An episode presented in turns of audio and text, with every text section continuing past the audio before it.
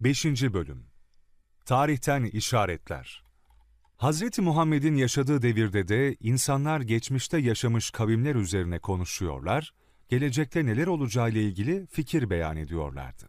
Fakat o zaman diliminde ne bugünkü haliyle arkeoloji diye bir bilim dalı vardı, ne yaş tayininde kullanılabilecek karbon 14 tekniği gibi metotlar mevcuttu. Ne de tarihsel belgeleri değerlendirmede titiz çalışmaları içerme anlamında tarih diye bir disiplin mevcuttu. Bunların olmadığı, yazılı kültürün çok zayıf olduğu, sözlü kültürün hakim olduğu bu dönemde geçmiş ve gelecekle ilgili iddialar ciddi bir temele dayanmadan kolaylıkla dillendiriliyordu.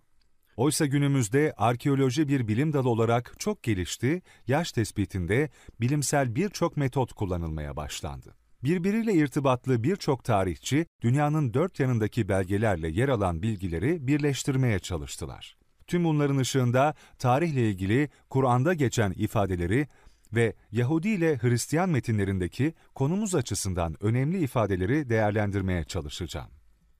Neden Müslümanım sorusuna cevabımın bir kısmını bu bölümde ele alacağım bu ifadeler oluşturmaktadır. Kur'an, tarihle ilgili hiçbir yanlış bilgiyi içermemektedir. Bunun yanında Kur'an'ın geçmiş ve gelecekle ilgili birçok izahının ne kadar yerinde olduğu da görülmektedir. Bu bölümde bunları örneklendirmeye çalışacağım. Bunların bir kısmı Kur'an'ın vahyinden uzun zaman önce yaşamış toplumlarla ilgilidir. Sebe toplumu bu konuda bir örnektir. Bir kısmı konuyla ilgili Kur'an ayetleri vahyedilirken bilinmeyen fakat Hz. Muhammed döneminde tanık olunan olaylarla ilgilidir. Mekke'nin fethi ve Romalıların yenilmelerine karşılık müjdelenen galibiyeti bu konuda örnektir. Bir kısmı aynı anda hem Kur'an vahyinden çok önceki hem de çok sonraki bir olayla ilgilidir. Firavun'un cesedinin Kur'an'da ifade edildiği gibi bulunmuş olması bu konuda bir örnektir. Bir kısmı Kur'an'ın vahyinden önce yaşamış Hazreti İsa ile ilgili Kur'an'daki izahların farklı birçok kaynakta yer almasıyla ilgilidir. Bunun yanında şu anda kabul edilen Yahudi ve Hristiyan kutsal metinlerinde yer alıp da Hz. Muhammed'e işaret olduğu düşünülebilecek ifadeler de değerlendirilecektir. İnsanlık tarihi Dünyanın ve insanlığın kaç yıl önce başladığı konusunda Kur'an'da ne açık bir izah ne de bir ima vardır. Bu husus bilim-din ilişkileri açısından özel bir öneme sahiptir.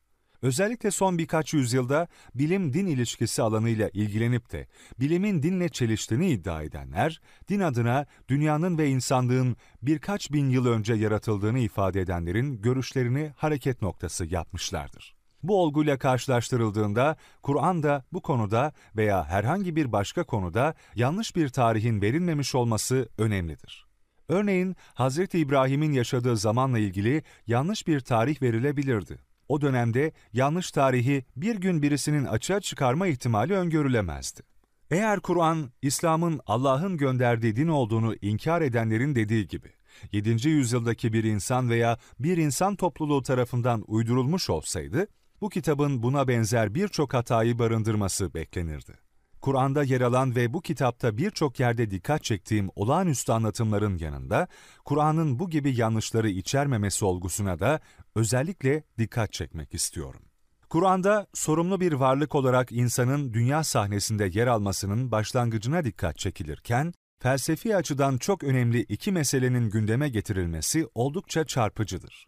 Bunlardan birincisi kötülük sorunudur. İkincisi ise insanın ayırt edici en önemli vasıflarından biri olan gelişmiş bir seviyede dil konuşmasıdır. Bu konuda Bakara suresinin şu ayetlerine bakalım. Bakara suresi 30 Hani Rabbin meleklere ben yeryüzünde bir halife oluşturacağım demişti. Onlar da orada bozgunculuk yapacak, kan akıtacak birisini mi oluşturacaksın, biz seni övüyor ve yüceltiyoruz dediler. Bilmediğinizi ben bilirim dedi ve Adem'e isimlerin hepsini öğretti. Sonra onları meleklere sunup, eğer doğrulardansanız, haydi şunların isimlerini bana bildirin dedi. Dediler ki, seni eksikliklerden tenzih ederiz. Bize öğrettiğinden başka hiçbir bilgimiz yok. Gerçekten sen bilensin, bilgesin. Ey Adem! Bunların isimlerini onlara bildir. İsimlerini onlara bildirince, size yerin ve göklerin algılanamayanlarını bilirim. Açıkladığınızı da, gizlediğinizi de bilirim dememiş miydim, dedi. Melekler, insanın sorumlu bir varlık olarak yeryüzünde bir vazife üstleneceğini duyduklarında, neden yeryüzünde kötülük yapma potansiyeli yüksek bir varlığın yaratılacağını anlamadıklarını ifade ederek, bunun hikmetini anlamaya çalışmaktadırlar. Felsefeyle ilgilenenler, kötülük sorununun felsefenin çetin ve önemli bir sorunu olduğunu ve felsefe tarihindeki birçok ünlü ismin bu hususu ele aldıklarını bilirler.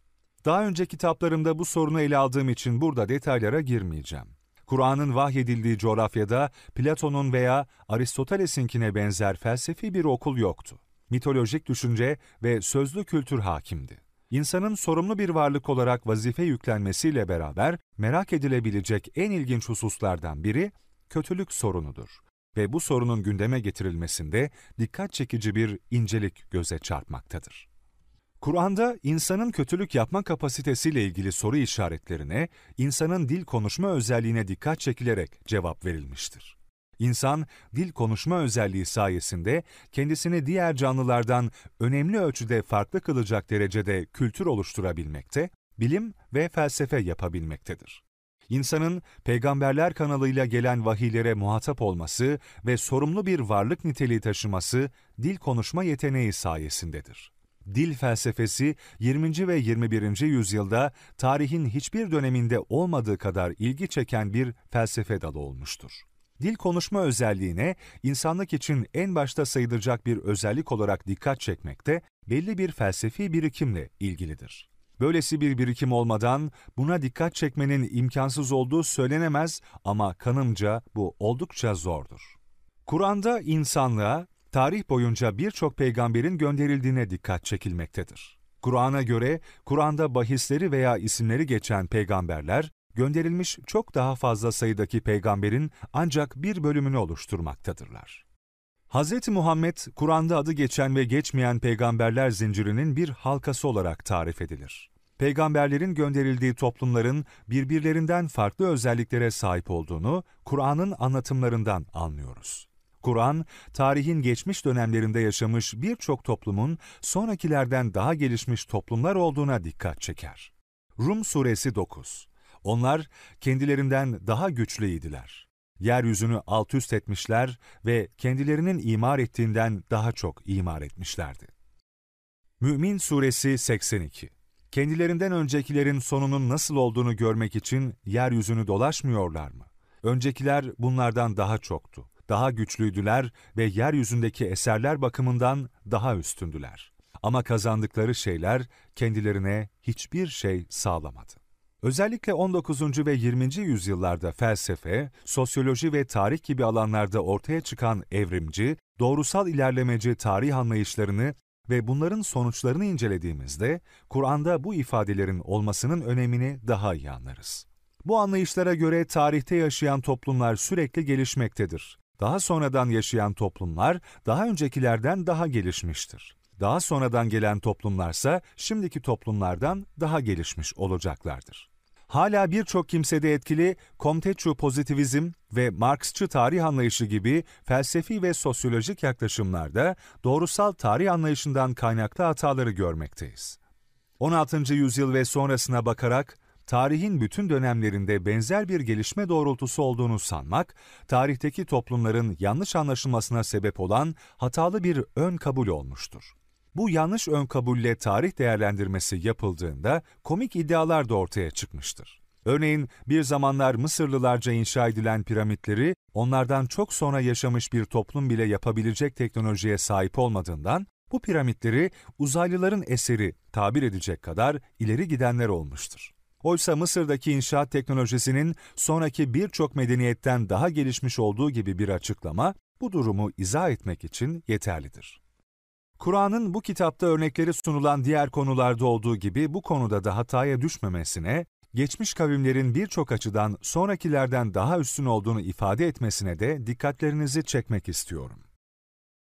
Kur'an ve arkeoloji Sebe toplumu örneği Sebe toplumu, Güney Arabistan'da yüzlerce yıl hüküm sürmüş ve bu bölgede yaşadığı dönemin en ileri uygarlıklarından biri olmuştur. Başkentleri olan Marib'de büyük projeler yapan bu toplumun en önemli eseri Marib Barajı'dır. Bu dünyanın bilinen en eski barajıdır ve yüzlerce yıl dünyanın en büyük barajı olarak yararlanılmıştır. Bu baraj sayesinde yağmurun çok olduğu dönemlerde sel felaketlerinden korunan Sebe toplumu, onun sayesinde çok başarılı tarım faaliyetlerinde bulundu. Bu barajın sağladığı suyu kullanma imkanları sayesinde senede iki defa ürün alınabiliyordu ve bunun da Sebe toplumunun zenginliğine katkısı büyüktü. Milattan önce 1. yüzyılda yaşamış olan ünlü tarihçi Strabo, tarım ürünleri ve onlardan elde edilen aromatikler sayesinde Sebe toplumunun bölgenin en zengin toplumu olduğunu söylemiş, sahip oldukları altınları, gümüşleri, inşa ettikleri gösterişli evleri anlatmıştır. Buradaki bahçe düzenlemeleri ve tarım faaliyetleri o kadar başarılıydı ki, milattan sonra 1. yüzyılda yaşamış olan ünlü tarihçi Plinius ise bu bölgeyi yeşil ülke olarak anmış ve şanslı Arabistan olarak belirtmiştir. Bu barajın M.Ö. 8. yüzyılda yapıldığı ifade edilmekle beraber, bu baraj üzerinde çalışan Almanya'dan bir arkeolog grup, daha önceki dönemlerden başlayarak bu barajın aşamalardan geçtiğini ifade etmiştir. Tarihsel önemi olan bu baraj hakkındaki bu bilgilerden sonra Kur'an'da bu barajın yıkılışıyla ilgili şu ifadelere bakalım. Sebe Suresi 15 Gerçekten de Sebe toplumunun mekanlarından da bir delil vardır. Sağdan ve soldan iki bahçeliydi. Onlara şöyle demiştik. Rabbinizin rızkından yiyin ve ona şükredin. Güzel bir memleket ve bağışlayan bir Rab. Ancak onlar yüz çevirdiler. Bunun üzerine onlara baraj selini gönderdik. Ve onların iki bahçesini buruk yemişli, acı ılgınlı ve içinde az bir şeyde sedir ağacı olan harap iki bahçeye dönüştürdük. Böylelikle nankörlük etmeleri dolayısıyla onları cezalandırdık. Nankörlük edenden başkasını cezalandırır mıyız? Sebe toplumu hakkındaki araştırmalardan tarihsel süreçte bu toplumun ay ve güneş tanrılarına taptığını öğreniyoruz. Bu husus Neml suresi 24. ayette bu toplumun güneşe taptığının beyan edilmesiyle uyumludur. Ayrıca Sebe suresi 15. ayette dikkat çekildiği gibi bahçeleriyle ve ürünleriyle Sebe ülkesinin çok güzel olduğunu Strabo ve Plinius gibi meşhur yazarlardan öğreniyoruz. Baraj aracılığıyla biri güneyde, biri kuzeyde olmak üzere iki ova sulanmaktaydı. Bu da Sebe suresi 15. ayetteki iki bahçe tanımlamasıyla uygundur. Kur'an'da dikkat çekildiği gibi bu baraj yıkılmıştır ve bu yıkım beraberinde Sebe toplumu için felaket getirmiştir. Günümüzde Yemen'de bu barajın kalıntıları görülebilmektedir. 19. yüzyılda birçok arkeolojik araştırmaya konu teşkil eden bu barajın 6. yüzyılda yani Kur'an'ın nazil olmaya başlamasından bir önceki yüzyılda yıkıldığını biliyoruz. Sebe suresi 16. ayette Sebe toplumuna gönderilen azaptan Seyl el Arim yani Arim seli olarak bahsedilmektedir. Arim kelimesinin anlamı barajdır. Seyl el Arim ifadesi barajın yıkılması sonucunda meydana gelen bir seli anlatmaktadır. Bu konuyla ilgili Mevdudi tefsirinde şunları söylemiştir. Metindeki ifadesinde kullanıldığı gibi arim kelimesi baraj, set anlamına gelen ve Güney Arapçasında kullanılan arimen kelimesinden türemiştir. Yemen'de yapılan kazılarda ortaya çıkarılan harabelerde bu kelime sık sık bu anlamda kullanılmıştır. Mesela Yemen'in Habeşli hükümdarı Ebrehe'nin Büyük Marib Sedi'nin tamirinden sonra yazdırdığı milattan sonra 542 ve 543 tarihli bir kitabede bu kelime tekrar baraj anlamında kullanılmıştır. O halde Seyl el Arim bir baraj yıkıldığında meydana gelen sel felaketi anlamına gelir. Hz. Muhammed'in yaşadığı coğrafyaya Kur'an vahyinden önce sözlü kültürün ve asılsız efsanelerin hakim olduğunu hatırlayalım. O dönemde henüz arkeoloji diye bir bilim dalı olmadığı gibi, Arabistan sahasında Strabo veya Plinius gibi yazarların yazılı metinlerine erişim sağlandığını gösterecek herhangi bir veri de mevcut değildir.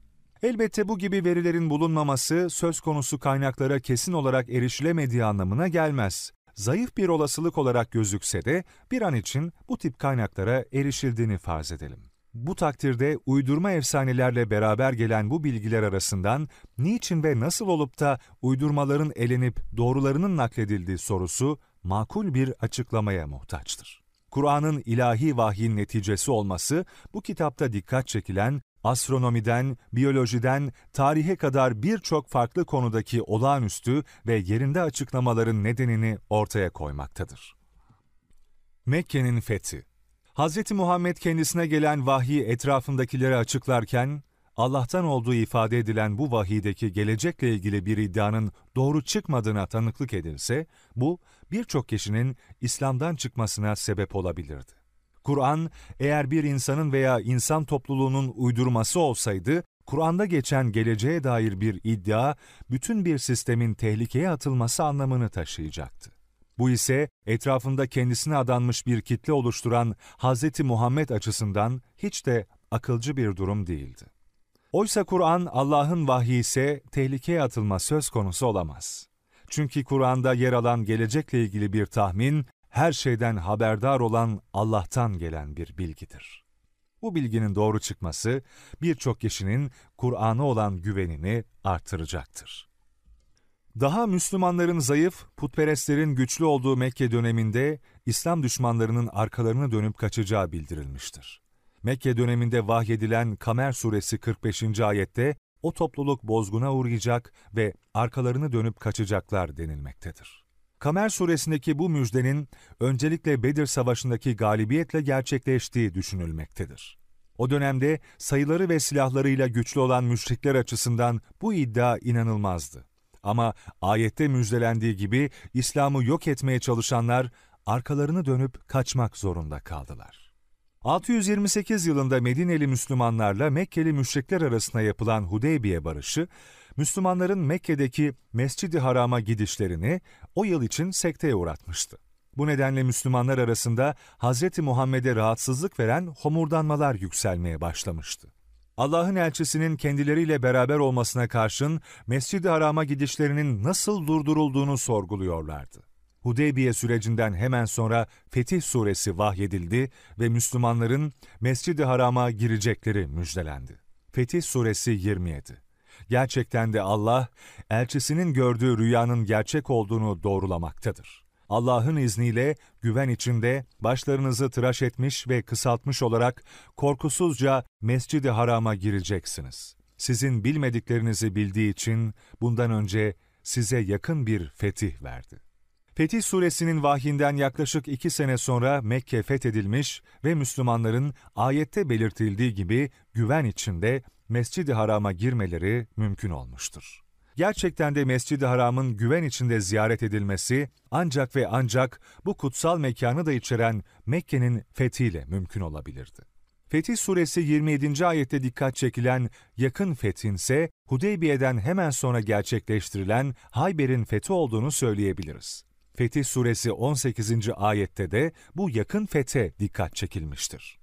Fiziksel açıdan güçsüz olduğu için yanındaki küçük bir toplulukla Mekke'den göç etmek zorunda bırakılan Hazreti Muhammed'in, doğduğu ve peygamberlik vazifesinin başladığı şehir olan Mekke'yi fethederek geri dönmesinin tarihsel önemi çok büyüktür.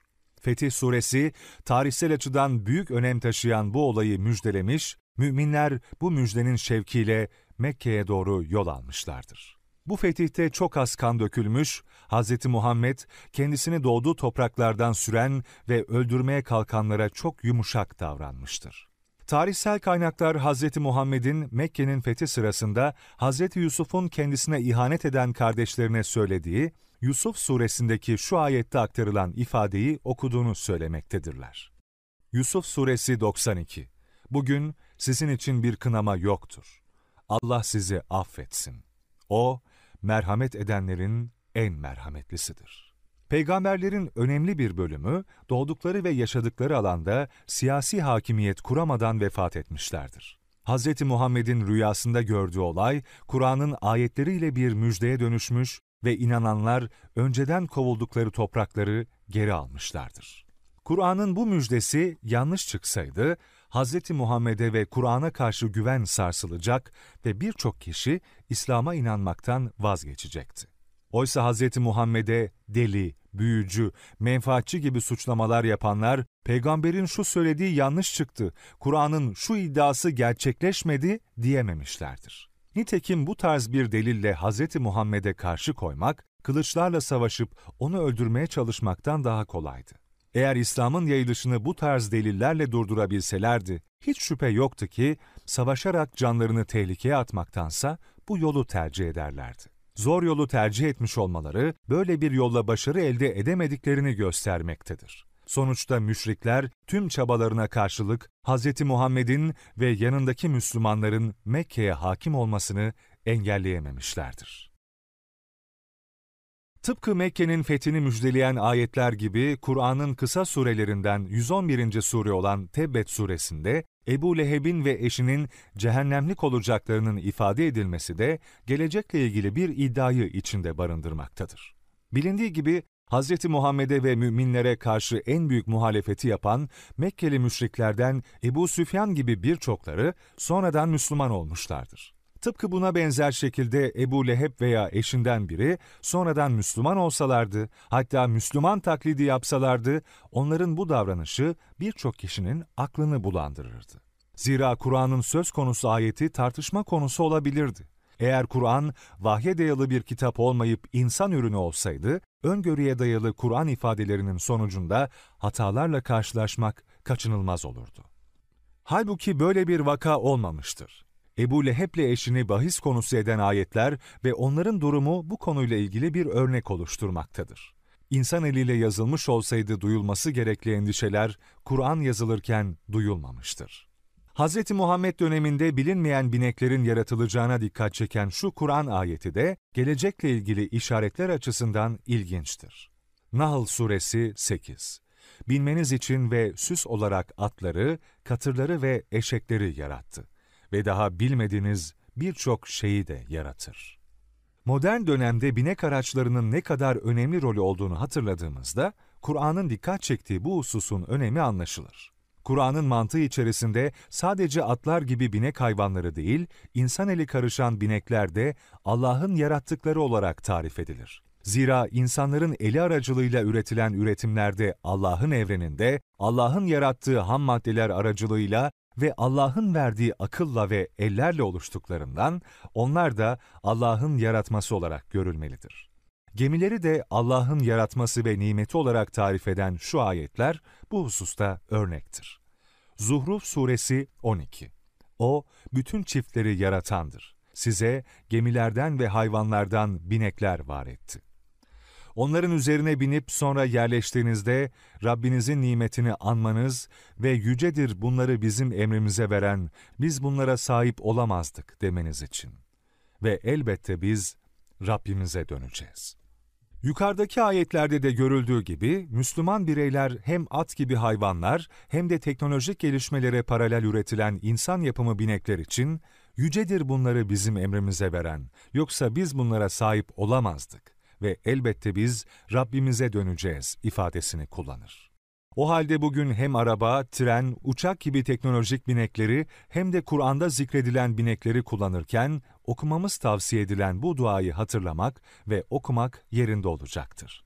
Günümüzde kullanılan binekler Kur'an'da teker teker tarif edilmemiştir ama gelecekte yeni bineklerin yaratılacağına dikkat çeken Nahl suresi 8. ayeti günümüzün toplum yapısı açısından çok önemli bu araçlara işaret etmektedir. Romalıların galibiyeti Kur'an'ın gelecekten haber veren bazı ayetleri kısa vadede tarihsel olgular olarak gerçekleşmişlerdir. Buna dair ilginç bir örnek Rum suresinin haberidir. Kur'an'ın vahyedildiği dönemde Roma İmparatorluğu Hristiyan, Sasani İmparatorluğu ise Mecusi toplumlardı. Sasanilerin Romalıları yenmesi, Hristiyan gibi tek Allah'a inanan Müslümanları üzmüştü. Bu yenilginin ardından Kur'an, Romalıların yakında galip geleceğini ve inananların bu olay üzerine sevineceğini müjdelemiştir. Rum Suresi 2 Romalılar yenilgiye uğradılar. Yeryüzünün en alçak yerinde. Ama onlar yenilgilerinin ardından yeneceklerdir. 3 ile 9 yıl içinde. Bundan önce de sonra da emir Allah'ındır. O gün inananlar sevineceklerdir. Yukarıda anlatılan dördüncü ayette geçen bıdısinin ifadesi 3 ile 9 arası sayıları ifade eder. Arapçada tekil için ayrı, iki adet için ayrı, ondan fazla sayıları belirtmek için ayrı ifadeler vardır. Hz. Muhammed, dini ilk yaymaya başladığı günden itibaren kendisine inanan insanlar hep var olmuş, gittikçe bu sayı artmıştır. Eğer Kur'an'ın bu ifadesi yanlış çıksaydı, Kur'an'a ve Hz. Muhammed'e karşı güven sarsılacak ve birçok kişi dine inanmaktan vazgeçecekti.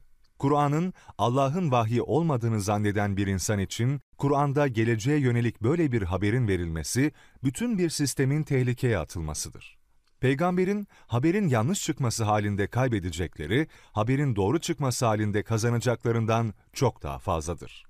Kur'an eğer vahyedilmiş bir kitap olarak görülmezse bu gereksiz ve büyük bir risk olarak değerlendirilecektir. Fakat eğer Hazreti Muhammed'in iddia ettiği gibi bu kitap Allah tarafından vahyedilmişse ortada bir risk yoktu.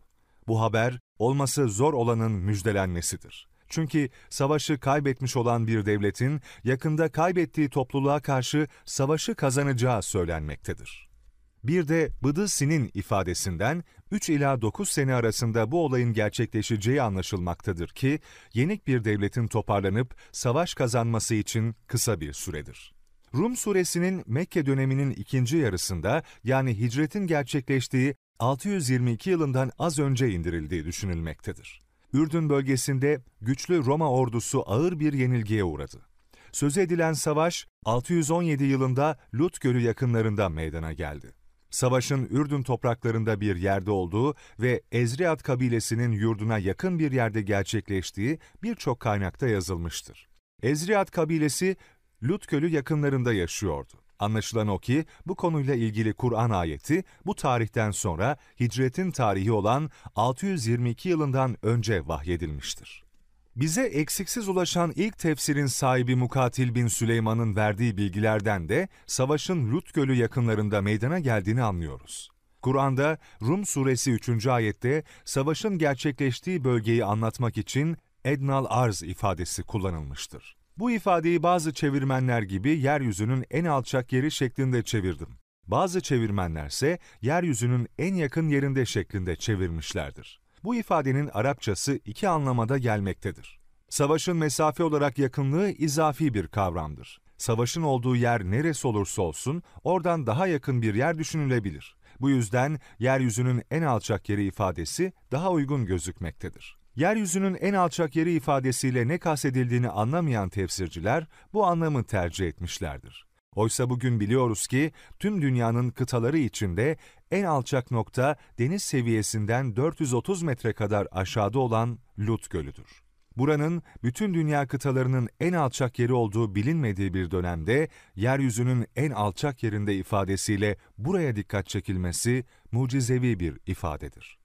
Rumların savaşı kaybettiği bölgeyi yazan Müslüman tarihçiler, o bölgenin yeryüzünün en alçak yeri olduğunu bilmelerinin mümkün olmadığı bir dönemde bu bölgeye işaret etmişlerdir. Elbette bu yer Romalıların Sasanileri yendiği birçok bölgeden sadece birisi olabilir. Başka bölgelerde de bu iki devlet arasında savaş gerçekleşmiştir. Bu kadar geniş dünya zeminindeki kıtalar içerisinde en alçak tek bir nokta vardır bu savaşın gerçekleştiği yerin bu bölgede olmasını ve Kur'an'da bu ifadenin geçmesini tesadüfle açıklamak hiç de ikna edici değildir. Bu olguyu insanlar ancak Kur'an'ın vahyinden bin yıldan çok süre geçtiğinde anlamışlardır.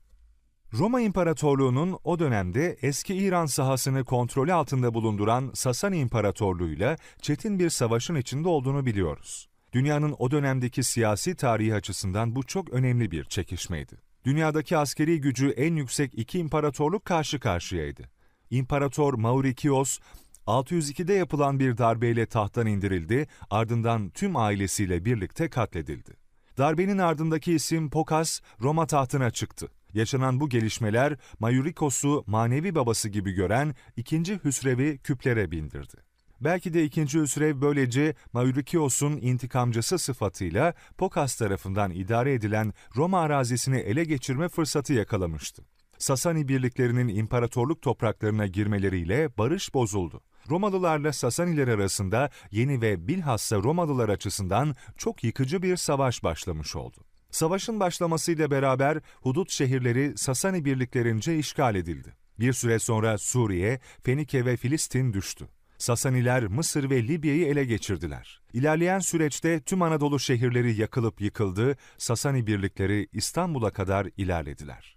Dışarıda yaşanan bu mağlubiyetler, içeride ise şiddetli baskı siyaseti izlemesi Pokas'ın sonu oldu.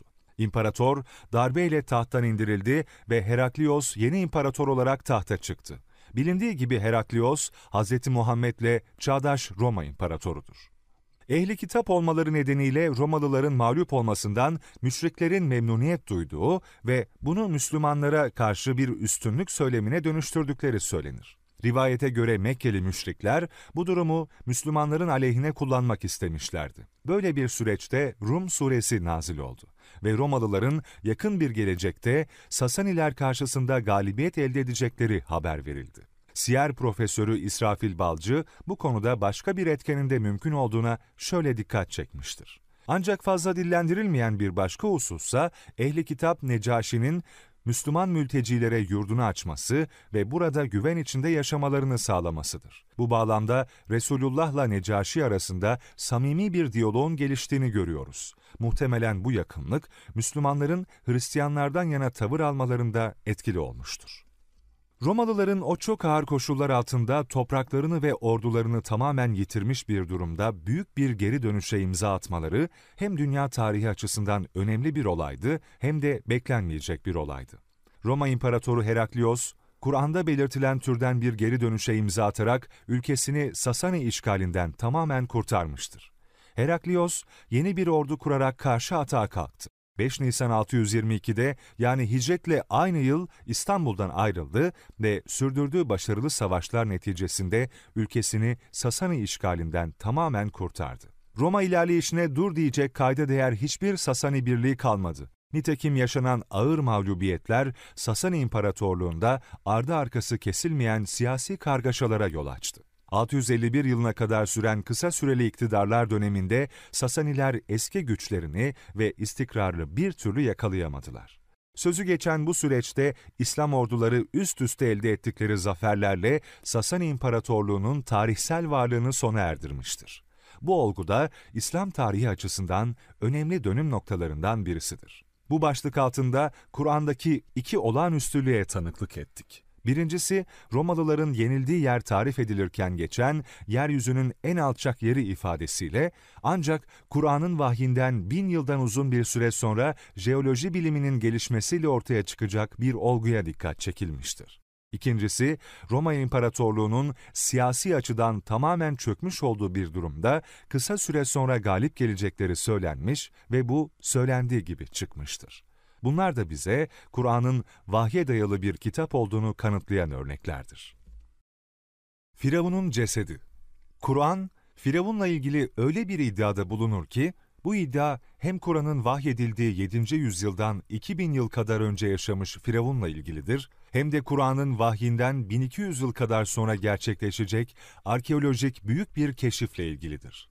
Aynı anda tarihin hem bu kadar öncesiyle hem bu kadar sonrasıyla ilgili olağanüstü bir ifade içermesi, Kur'an'ın taklidi mümkün olmayan muhteşemliklerine çok güzel bir örnektir. Önce konuyla ilgili Kur'an ayetlerini görelim. Yunus Suresi 90 Ve İsrailoğullarını denizden geçirdik. Firavun ve ordusuysa azgınlıkla ve düşmanlıkla peşlerine düştü. Boğulmak üzereyken İsrailoğullarının inandığından başka tanrı olmadığına inandım, ben de teslim olanlardanım dedi. Şimdi mi? Daha önce isyan etmiş ve bozgunculardan olmuştun.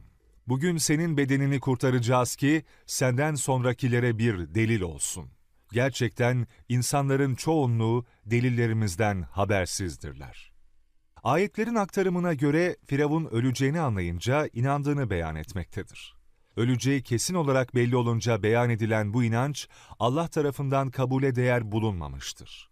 Bunları anlatan ayetlerin ardından gelen, konumuz açısından kritik öneme sahip olan 92. ayette, senin bedenini ifadesinin geçmesi, kurtarılacak olan canlı bir şekilde Firavun değil, fakat onun cesedinin olduğunu göstermektedir. Cesedin sonrakilere bir delil olduğunun vurgulanması da önemlidir. Bu ise orada olup da olaya tanıklık edenlerle ilgili bir durumdan bahsedilmediğini gösterir. Kısacası ayette geçen bedenin kurtarılması ve sonrakilere delil olma konumuz açısından önemli hususlardır. Firavun'un ordusunun boğulması Yahudi ve Hristiyanların kutsal kitap olarak okuduğu Tevrat'ta da geçmekle beraber bedenin kurtarılması ve bunun sonrakilere delil olması sadece Kur'an'da yer alan ifadelerdir. Mısır'da 1880'lerden itibaren Nil Nehri'nin yakınındaki Krallar Vadisi'nde Firavun hanedanlarına ait birçok ceset mumyalanmalarından 3000 yıl kadar sonra keşfedildi. Bu mumyalar Kahire Müzesi'ndeki Kral Mumyaları salonundadır ve müzeciliğin en değerli parçaları olarak ziyaretçilere açıktır. Kur'an'ın vahyedilmesinden bin küsür yıl önce Firavunların mumyalanmış bir şekilde bedenlerinin bozulmadan muhafaza edildiğinden kimsenin haberi kalmamıştı. 7. yüzyılda Arap Yarımadası'ndaki herhangi birinin bu bilgiye sahip olduğu düşünülemez. Bir an için böyle bir bilgiye sahip olduğu farz edilse bile, bir gün Hz. Musa'yı öldürmeye çalışan Firavun'un cesedinin bulunup da bir ibret kaynağı olacağının tahmin edilmesi mümkün değildir. Nitekim bahsedilen keşif, Kur'an'ın vahyinden 1200 yıl kadar sonra gerçekleşmiştir. Kur'an'da geçen ifadelerle hiç ilgilenmeyen birçok Yahudi, Hristiyan ve seküler arkeoloji ve tarih uzmanı da bulunan Firavun cesetlerinden birinin Hz. Musa'yı öldürmeye kalkan Firavun'a ait olduğunu ifade etmişlerdir. Bu konuda bazıları bulunan cesetlerden ikinci Ramses'i tahmin etmiştir. Kur'an bilim ilişkisi hakkında ciddi çalışmaları olan ve bu cesetler üzerinde çalışan Maurice Bucaille, Merneptah'ın bahsedilen Firavun olduğunu tahmin etmiştir. Bu cesette bulunan öldürücü darbe izlerini iddiasını destekleyen bir delil olarak göstermiştir. Benim bu konudaki görüşüm, M.Ö. 15. yüzyılda yaşamış olan 18. hanedanlık dönemindeki firavunlardan birinin olduğunu düşünen tarihçilere yakındır. Örneğin Yahudi iken sonradan Hristiyan olan Oxford Üniversitesi tarihçilerinden ve önemli bir eski ahit uzmanı olan Alfred Edersheim'a göre kısa süren bir saltanat ve ani bir çöküş yaşayan ikinci Tutmos, bahsedilen firavun olmak için en iyi adaydır.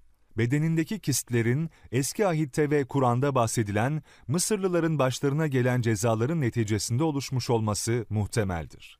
Firavun denizde boğulduktan sonra kıyıya vuran cesedini Mısırlıların diğer firavunlara yaptıkları gibi mumyaladıkları tahmin edilmektedir. Harvard Üniversitesi'nden doktoralı Joel Klenk'in araştırmaları sonucunda vardığı kanaatlerde bu iddiayı destekler niteliktedir. Yönetimi 2. Tutmos'tan sonra devralan Hatshepsut'tan gelen yazıtlarda 2. Tutmos'un döneminde Mısır'ın çok kötü bir dönemden geçtiğinin söylenmesi önemlidir. Eski Ahit ve Kur'an'da anlatılanlardan Hz. Musa döneminde Mısırlıların başına birçok bela geldiğini anlıyoruz. Konunun bazı uzmanları ise ondan sonra tahta geçen 18. hanedanlık firavunlarından 3. Tutmos'un Hz. Musa'nın firavunu olduğu kanaatindedirler. Kur'an'da annesinin korkup da suya bıraktığı Hz. Musa'yı Firavun'un eşinin evlatlık kaldığının anlatıldığını hatırlayalım. Tutmoslardan birinin Hz. Musa'nın firavunu olduğu hususunda gösterilen enteresan delillerden birisi ise Tutmos'la Musa arasındaki isim benzerliğidir. Tutmos ismini oluşturan iki bölümden Mus kısmı Hz. Musa'nın ismiyle benzeşmektedir. Firavun ailesinin Hz. Musa'yı isimlendirmiş olması bu isim benzerliğini açıklayabilir. Burada konumuz açısından önemli olan husus, 1880'ler ve sonrasında bulunan tüm bu firavunların bedenlerinin mumyalanmış şekilde Mısır'daki müzede bulunmasıdır. Bunların hangisi Hz. Musa'nın firavunu olursa olsun, burada ulaştığımız yargılar açısından bir şey değişmeyecektir. Hem Yahudi, hem Hristiyan, hem İslam dini açısından önemli bir yere sahip olan bu firavunun cesedinin 19. yüzyılda bulunması arkeoloji açısından çok önemli bir bulgudur. Kur'an'da adı geçen peygamberlerden sadece peygamberimizin kabri kesin olarak bellidir. Kur'an'da kötülüğün merkezi olarak betimlenen kişiler arasında ise Firavun dışında cesedi gösterilebilecek ikinci bir şahıs yoktur. Kısaca Kur'an'da iyi ve kötü diye tanımlanan tarihsel şahsiyetler arasında cesedinin yeri bilinen sadece iki kişi vardır. Bunlar arasında bedeni görülebilecek yegane kişi ise Firavundur. Üstelik Kur'an'da sadece ve sadece Firavun için bedenini kurtaracağız ve senden sonrakilere bir delil olsun denilmiştir. Buna benzer bir ifade Kur'an'da başka hiç kimse için kullanılmamıştır. Kur'an'daki bu ifadeyle beraber arkeolojinin en önemli keşiflerinden biri olacak şekilde Firavunların cesetlerinin bulunmuş olması tesadüf olabilir mi? Sizce bunları tesadüf olarak yorumlamak insafsızlık olmaz mı? 3000 yıldır insanların varlığından habersiz oldukları bu ceset günümüzde sergilenmekte. Ve insanlar için Kur'an'da söylendiği gibi ciddi bir delil, ibret özelliği taşıyor. Hem Firavun gibi büyük saltanata sahip olanların sonunu görmek, bu dünyanın öncelenmesinin nedenli abes olduğunun dersini veriyor. Hem eski bir büyük saltanat sahibinin son halini görmek, insanlara kibirlenmenin ne kadar boş olduğunun dersini veriyor. Hem ellerindeki imkanları zulüm için kullananlara, ellerinde o zulümden bir şey kalmayacağının ama hesaptan kaçamayacaklarının dersini veriyor. Hem de Kur'an'ın bir insan uydurması olamayacağının dersini veriyor. 92. ayetteki diğer muhteşem bir ifade ise, gerçekten insanların çoğunluğu delillerimizden habersizdirler denilmek suretiyle, insanların Allah'ın sunduğu ayetleri gereğince değerlendirememelerine dikkat çekilmesidir. Bakın, Kur'an'ın vahyinden 2000 yıl kadar önce gelen, Kur'an vahyinden 1200 yıl kadar sonra bir keşifle bulunmuş ve insanlık tarihi açısından ciddi öneme sahip bu bedende, bahsedilen Kur'an ayetleri de hem insanlığın hem Müslümanların gözleri önünde durmaktadırlar. Peki bu delillerden kaç kişi haberdardır? Gerçekten insanların çoğunluğu delillerimizden habersizdirler ifadesinin muhteşemliğine de tanıklık edebiliyor musunuz? Elimizdeki tarihsel veriler bu Firavun'un nasıl öldüğünü söylemeye yetmez. Fakat Kur'an'da bahsedilen Firavun'un ölümüyle bu cesedin arasında bir çelişki de tespit edilememiştir. Kur'an, Firavun'un cesedinin delil olacağını söylediğine göre bu cesedin bulunmasını beklemek doğal olmaz mı? Peki ne oldu? Her zamanki gibi gereken yine oldu. Ceset bulundu. Tam 3000 yıllık uykunun ardından. Peki Kur'an'ın insanların çoğu delillerimizden habersizdirler öngörüsü ne oldu? Bunu da hem bu konuda hem de diğer konularda etrafınıza sorular sorarak siz test edin. Acaba insanların çoğu Allah'ın delillerinden ne kadar haberdar? Kur'an'ın Hz. Muhammed'e vahyedildiği 7. yüzyılda hatta çok yakın zamanlara kadar ileride bir gün müzecilik diye bir anlayışın ortaya çıkacağı ya da binlerce yıl boyunca bozulmadan korunabilmiş insan cesetlerinin, hatta Mısır firavunlarına ait cesetlerin gün yüzüne çıkarılacağı öngörülemezdi. Allah'ın delilleri çoktur. Ama insanların çoğu bu delillerden habersiz yaşamaktadırlar. Tevrat ve Eski Ahit'in diğer kitaplarındaki işaretler Eski Ahit ifadesiyle Hristiyanların, Tanah ifadesiyle Yahudilerin kastettikleri bazı farklara rağmen aşağı yukarı aynı kitap koleksiyonudur. Bunun ilk beş kitabı Tevrat'tır. Ayrıca Hazreti Davud'a verilen Zebur, bunun yanında Hazreti Eyüp, Hazreti Yunus gibi peygamberlere verilen kitaplar da bu ifadelerin kapsamı içinde yer almaktadır. Bu kitapların ne kadar korunduklarıyla veya tahrif edildikleriyle ilgili uzun tartışmanın bu kitabın sınırlarının dışında kaldığını hatırlatmak istiyorum. Bu arada İslam dünyasında birçok kişinin yanlış bildiği bir hususa da dikkatlerinizi çekmek istiyorum. Hristiyanlar sadece İncil'leri kutsal kitaplar olarak görmezler. Kitabı mukaddes olarak isimlendirdikleri kutsal kitapları, Tevrat ve Zebur'u da ihtiva eden eski ahiti de kapsar. Bu yüzden bu başlık altında söylenenlerin sadece Yahudilerin değil, aynı zamanda dünya nüfusunun İslam'la beraber en kalabalık dinini oluşturan Hristiyanların da kutsal olarak kabul ettikleri kitaplardaki ifadelerle ilgili olduğuna dikkat edilmelidir. Kur'an'ın çok temel mesajlarından biri, tarih boyunca gelen peygamberlerin Hz. Muhammed'le aynı mesajı getirdikleridir. Böylece Hz. Muhammed ve onunla gelen mesaj, tarih boyunca gelmiş olan peygamberlerin misyonuyla bağlanır. Bunu anlayan bir Müslüman kendisini tarih boyunca birçok halkası olan bir zincirin parçası olarak görür. Hazreti Nuh, Hazreti İbrahim, Hazreti Yakup, Hazreti Musa, Hazreti İsa ve ismini anmadığım çok sayıda başka peygamber hangi mesajı getirmiş iseler, Hazreti Muhammed de aynı mesajı getirmiştir. Uygulamalarda bazı farklar da olsa temel inançlar aynıdır. Kur'an'da peygamberimizin şöyle söylemesi emredilmiştir. Ahkaf suresi 9. De ki, ben elçilerin ilki değilim. Kur'an'ın önemli bir bölümü, peygamberimizden önce gelen elçilerin Allah'ın varlığına ve birliğine inanmaya, şirk koşmamaya, zulüm yapmamaya davetlerini anlatmaktadır.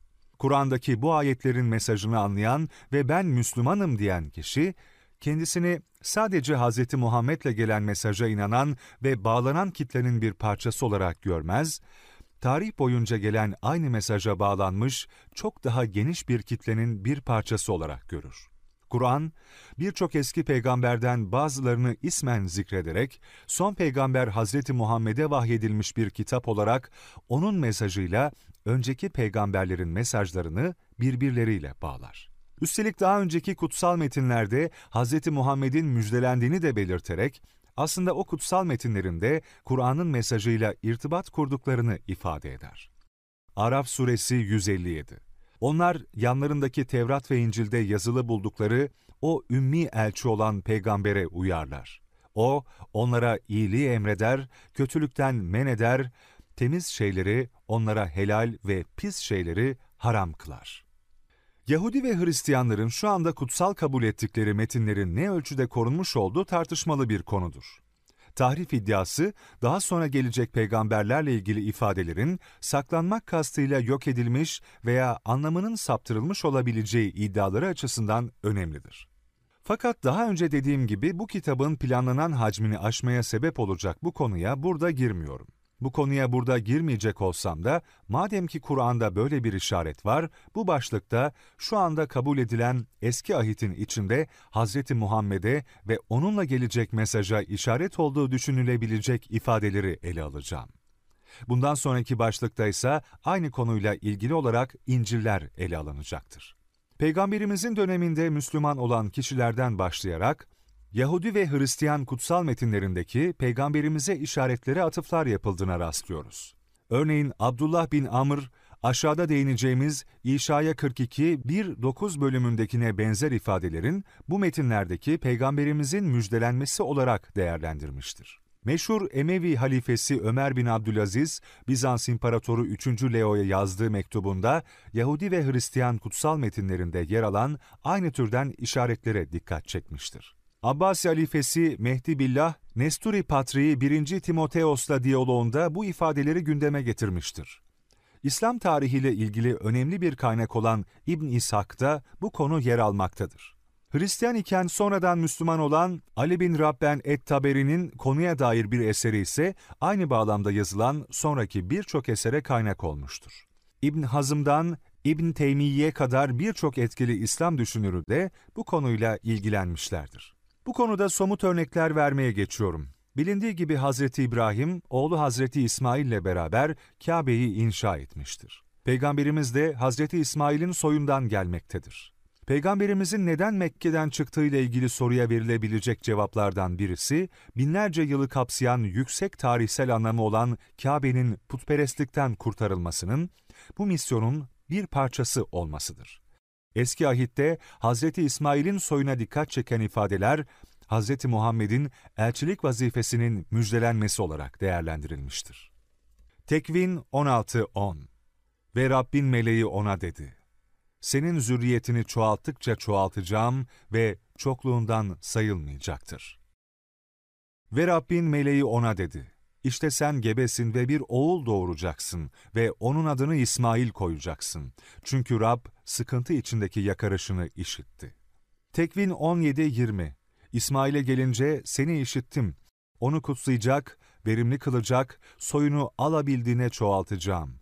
12 beyin babası olacak. Soyunu büyük bir millet yapacağım. Tevrat'ın tekvin bölümünde Hazreti İsmail'in soyu ile ilgili olarak geçen bu ifadelerin, Hazreti İsmail'in soyundan olan peygamberimizin gelişiyle karşılığını bulduğu düşünülmüştür. İbn Teymiye, Hazreti İsmail'in soyunun çoğalması ve büyük bir millet yapılması şeklindeki ifadelerin yüceltme anlamı içerdiğini, büyük bir millet ifadesinin ise ancak iman eden bir toplumla ilişkili olabileceğini söyler. Bu açıklamaya göre Allah, Hz. İsmail'in soyuna Hz. Muhammed aracılığıyla iman ve peygamberlik nasip etmiş olmakta, böylece onun izinden gidenleri çoğaltmakta ve yüceltmektedir. Hz. Muhammed'in eski kutsal metinlerde müjdelendiği meselesi kapsamında söz konusu metinlerde Muhammed ve İslam sözcükleriyle kök ve anlam açısından benzeşen sözcüklerin geçmesi de önemsenmiştir. Haggay'ın şu bölümleri bu konuda örnektir. Haggay 2.6 Bu yüzden göklerin hakimi Allah şöyle diyor. Az kaldı. Gökleri ve yeri, denizi ve karayı bir kez daha sarsacağım. Bütün milletleri sarsacağım ve bütün milletlerin himdası gelecek ve bu evi ihtişamla dolduracağım. Göklerin hakimi Allah böyle diyor. Gümüş de benim, altın da benim, göklerin hakimi Allah'ın sözü. Sonraki evin ihtişamı öncekinden de büyük olacak. Göklerin hakimi Allah böyle diyor ve bu yere şalom vereceğim. Göklerin hakimi Allah'ın sözü. Hakkay'ın bu bölümünde gelecekte olacak önemli bir olay vurgulanır. Hristiyan bir ruhbanken Müslüman olan ve bu konudaki çalışmasıyla tanınan Abdülahad Davut, Haggay 2.7'de geçen himada kelimesinin Peygamberimizin isminin kökü olan hamd ile aynı kökten geldiğine dikkat çeker. Bundan sonraki Haggay 2.9'da geçen şalom ve İslam kelimelerinin aynı kök ve manaya geldiği tartışılmayan bir husustur. Gelecekte olacak, dini açıdan çok önemli bir olayın bahsedildiği yerde Muhammed ve İslam isimleriyle aynı kökten türeyen kelimelerin beraber geçmesi ilginç bir husustur. Tevrat'ta geçen ifadeler arasında Hazreti Muhammed'e işaret olduğu düşünülen en önemli ifadelerden biri şudur. Tesniye 18-15 Tanrınız Rab, sizi aranızdan, kendi kardeşlerinizden benim gibi bir peygamber çıkaracak. Tesniye 18-18 Onlara kardeşleri arasında senin gibi bir peygamber çıkaracağım. Sözlerimi onun ağzından işiteceksiniz.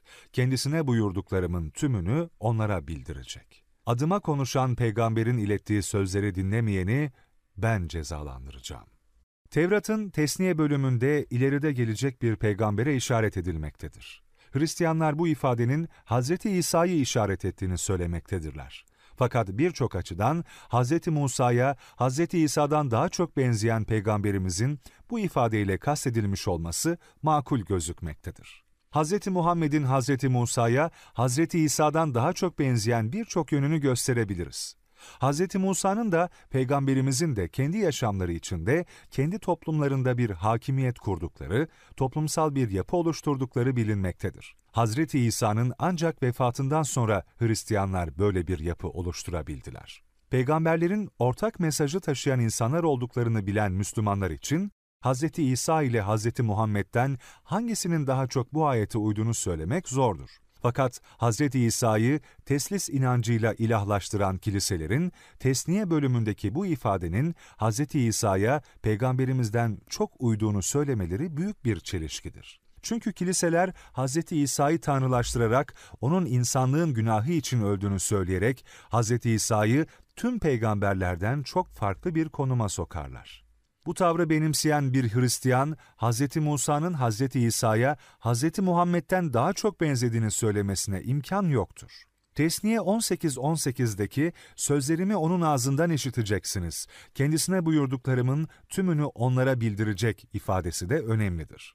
İslam'ın vahiy anlayışına göre Hz. Muhammed, Allah'ın vahiy olarak kendisine bildirdiklerini insanlara duyurmuştur. Kur'an'da Hz. Muhammed'i tanımlamak için en çok geçen elçi kelimesi, Hz. Muhammed'in Allah'tan olanı insanlara iletmek vazifesini yerine getirdiğini ifade etmektedir. Oysa büyük Hristiyan mezheplere göre Allah'ın İsa'ya vahyetmesi gibi bir durum söz konusu olmayıp, bizzat tanrısal bir varlık olarak İsa davranışları ve sözleriyle kendi iradesini yansıtmıştır. İşaya kitabında geçen şu ifadelerde bu konuyla ilgili gündeme gelmiştir. İşaya 42.1 İşte kendisine destek olduğum, gönlümün kendisinden razı olduğu seçtiğim kulum. Ruhumu onun üzerine koydum. Milletler için adaleti meydana çıkaracaktır. Bağırıp çağırmayacak. Sokakta sesini yükseltmeyecek. Ezilmiş kamışı kırmayacak ve tüten fitili söndürmeyecek. Adaleti sadakatle ulaştıracak. Yeryüzünde adaleti sağlayana dek cesaretini yitirmeyecek ve kıyı halkları onun kanunlarını bekler. Gökleri yaratıp onları yayan, yeryüzünü ve ürününü seren, dünyadaki insanlara soluk, orada yaşayanlara ruh veren Rabbiniz Allah diyor ki, Ben Rabbin, seni doğrulukla çağırdım. Elinden tutacak, seni koruyacağım. Seni halka antlaşma ve uluslara ışık yapacağım. Öyle ki kör gözleri açasın. Zindandaki tutsakları ve cezaevi karanlığında yaşayanları özgür kılasın. Ben Rabbinim. Adım budur. Onurumu bir başkasına, övgülerimi putlara bırakmayacağım. Bakın önceden bildirdiklerim gerçekleşti. Şimdi de yenilerini bildiriyorum. Bunlar ortaya çıkmadan önce size duyuruyorum. Ey denizlere açılanlar ve denizlerdeki her şey! Kıyılar ve kıyı halkları! Rabbinize yeni bir ilahi söyleyin. Dünyanın dört bucağından onu ezgilerle övün. Çöl ve onun şehirleri, Kedar'ın oturduğu köyler seslerini yükseltsinler. Selada oturanlar terennüm etsinler. Dağların doruklarından bağırsınlar. İşaya 42'deki gelecekle ilgili bu anlatımlar peygamberimizle büyük bir uyum göstermektedir. Hz. Muhammed'in hayatı gerçekten de hem putları yok etmesiyle, hem daha sağken yeryüzüne hakim olup adaleti sağlamasıyla, hem ruhtan vahiy almasıyla, hem üstün ahlakıyla, hem insanlara ışık olup körelmiş gönülleri iyileştirmesiyle, hem Kur'an gibi yeni bir vahyi insanlara duyurmasıyla, hem de Hz. İbrahim'in oğlu, Hz. İsmail'in oğlu Kedar'ın soyundan olan bir toplumun üyesi olmasıyla, bu ifadelere uygunluk göstermektedir. Bu olayların ileride olacağının söylenmesi de önemlidir. İşaya 42. bölümün devamında 17'de putperestlerin utandırılmasından bahsedilmektedir. Hz. Muhammed'le gelen mesajla putperestlerin büyük darbe yediği tarih bilimi açısından çok açık bir bilgidir. Tevrat'ta geçen şu ifadelerde bu konuyla ilgili olarak gündeme gelmiştir. Tesniye 33.1 ve Allah adamı Musa'nın ölümünden önce İsrailoğullarına okuduğu hayır dua şudur. Ve dedi, Rab Sina'dan geldi ve onlara Seyir'den doğdu. Paran dağından parladı ve mukaddeslerin on binlercesinin içinden geldi.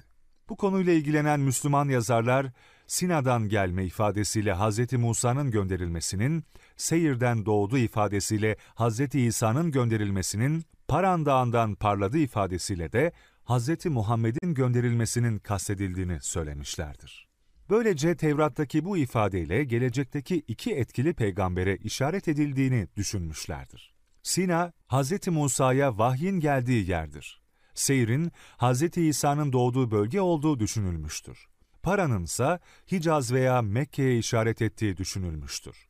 Tevrat'ta geçen Hacer ve Hz. İsmail'in Paran çölünde yaşamaları ile ilgili ifade bu hususta delil olarak kullanılmıştır. Buna göre Kur'an nasıl sonda Hz. Musa'yı ve Hz. İsa'yı onayladıysa, Tevrat da başta Hz. İsa ve Hz. Muhammed'i onaylamıştır. Tesniye 33.2'de on binlercesinin içinden geleceğinin söylenmesi, daha yaşarken peygamberimize on binlerce insanın uymasıyla uyumludur. Bu yorum yapanlar, Habakkuk 3.3'te geçen Paran Dağı ifadesini de Hz. Muhammed'in peygamberliğinin müjdelenmesi olarak yorumlamışlardır. Eski ahitteki başka ifadelerden hareketle Paran ifadesinin bu bölgeyi kastetmediği söylenerek bu konuda itiraz da edilmiştir. Tevrat, Tesniye 13, 11, 12'de peygamberlik iddiasındaki kişinin dedikleri çıksa bile Allah'tan başkasına çağırıyorsa reddedilmesi gerektiği söylenir. Eski ahit Yeremya 28-11'de ise peygamberlik iddiasındaki kişinin söylediklerinin çıkmasının peygamberliğinin bir delili olduğu ifade edilir. Hz. Muhammed eski ahitteki bu iki kriteri de karşılamıştır. O, öncelikle Allah'tan başka her türlü ilahı şiddetle reddetmiş ve milyarları sahte ilahlardan kurtarmıştır. Ayrıca bu kitapta gözüktüğü gibi insanlara ulaştırdığı mesaj olan Kur'an, onun söylediklerinin doğru olduğuna dair birçok delil sunmaktadır. Tarihsel olarak Hz. Musa'dan sonra gelip de Allah'ın varlığını, Allah'tan başkasına tapmamayı, bütün peygamberlerin onaylanmasını, ahiret gününe inanmayı, güzel ahlakı savunmayı, öldürmeye, çalmaya karşı durmayı ve zayıfların, yetimlerin gözetilmesini söyleyen ve bunu dünya çapında yerleştiren Hz. Muhammed'dir. Onun söyledikleri sonucu milyarlarca insan Allah'ı sevmiş, Allah'ın kudretinin çok yüksek olduğuna inanmış, Allah'ın Hz. Muhammed'e vahyettiği Kur'an'da söylenenlerin birçoğunun doğruluğuysa tarihin ilerlemesi ve bilimin gelişmesiyle anlaşılmıştır.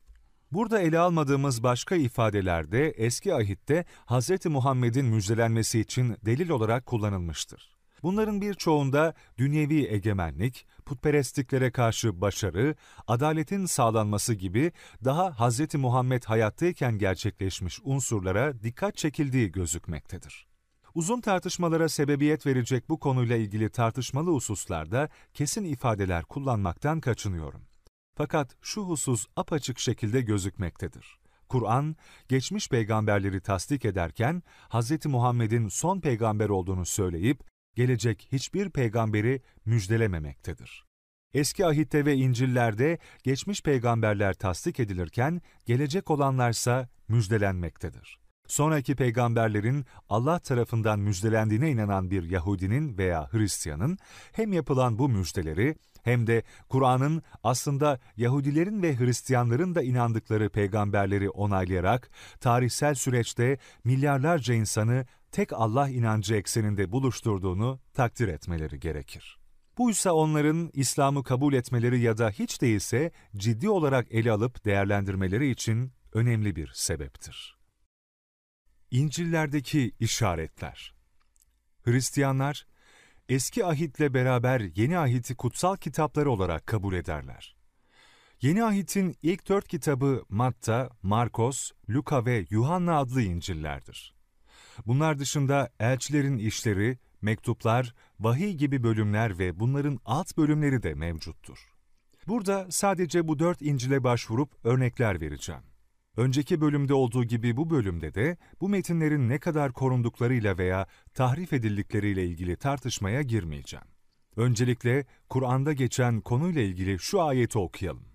Saf Suresi 6 O zaman Meryem oğlu İsa şöyle demişti. Ey İsrailoğulları! Gerçekten de ben size yollanmış Allah'ın elçisiyim.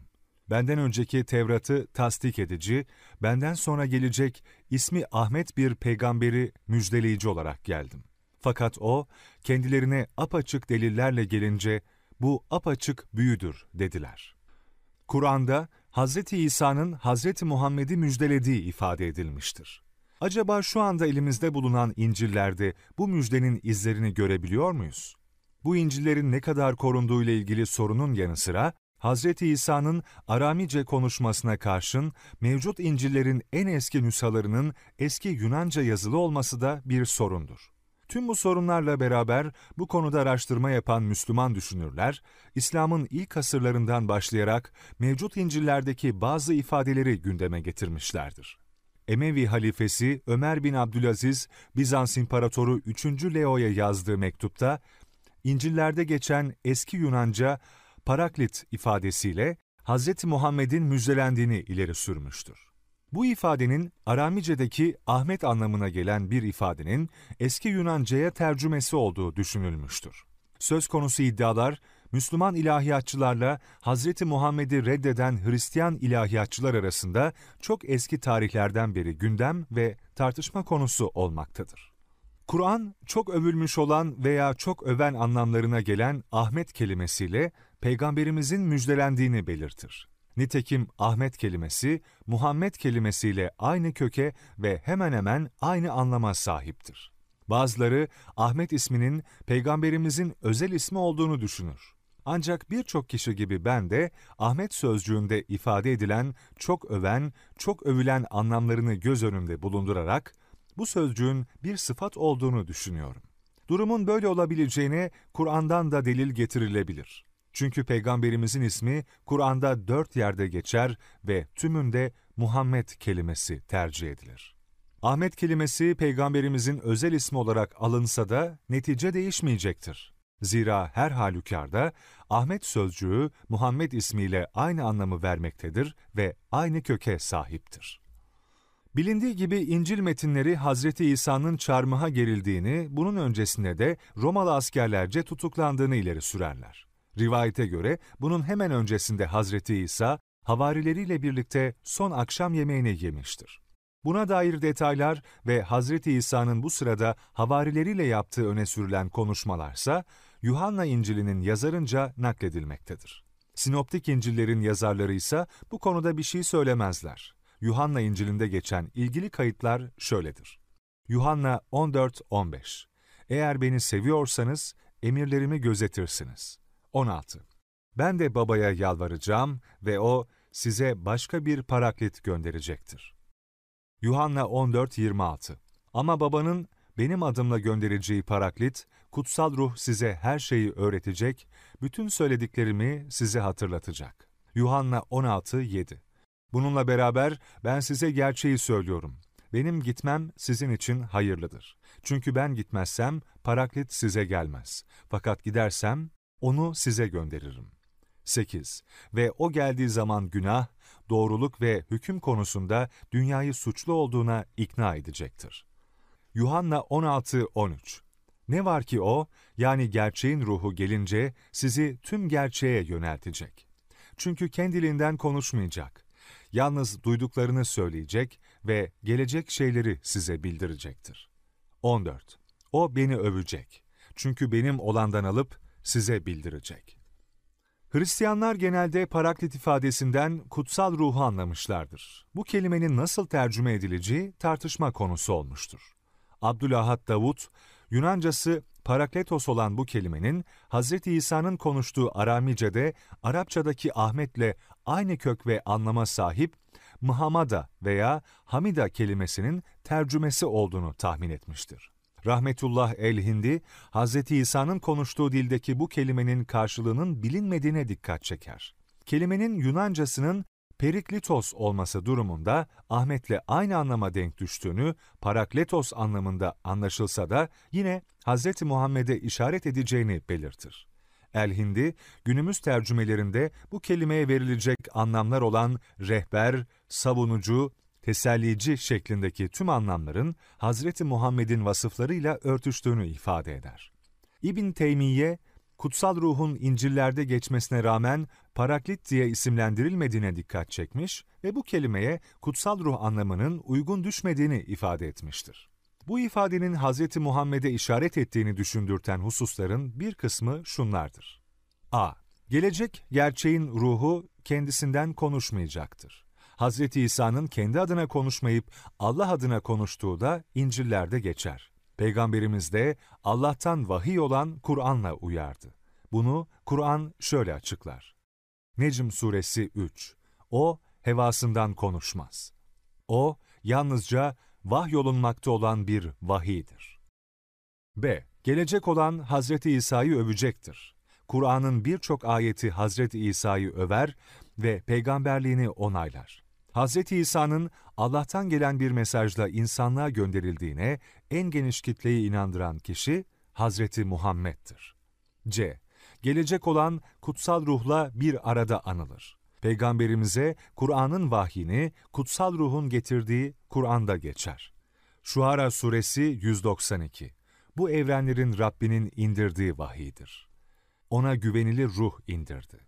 Senin kalbine uyarıcılardan biri olman için.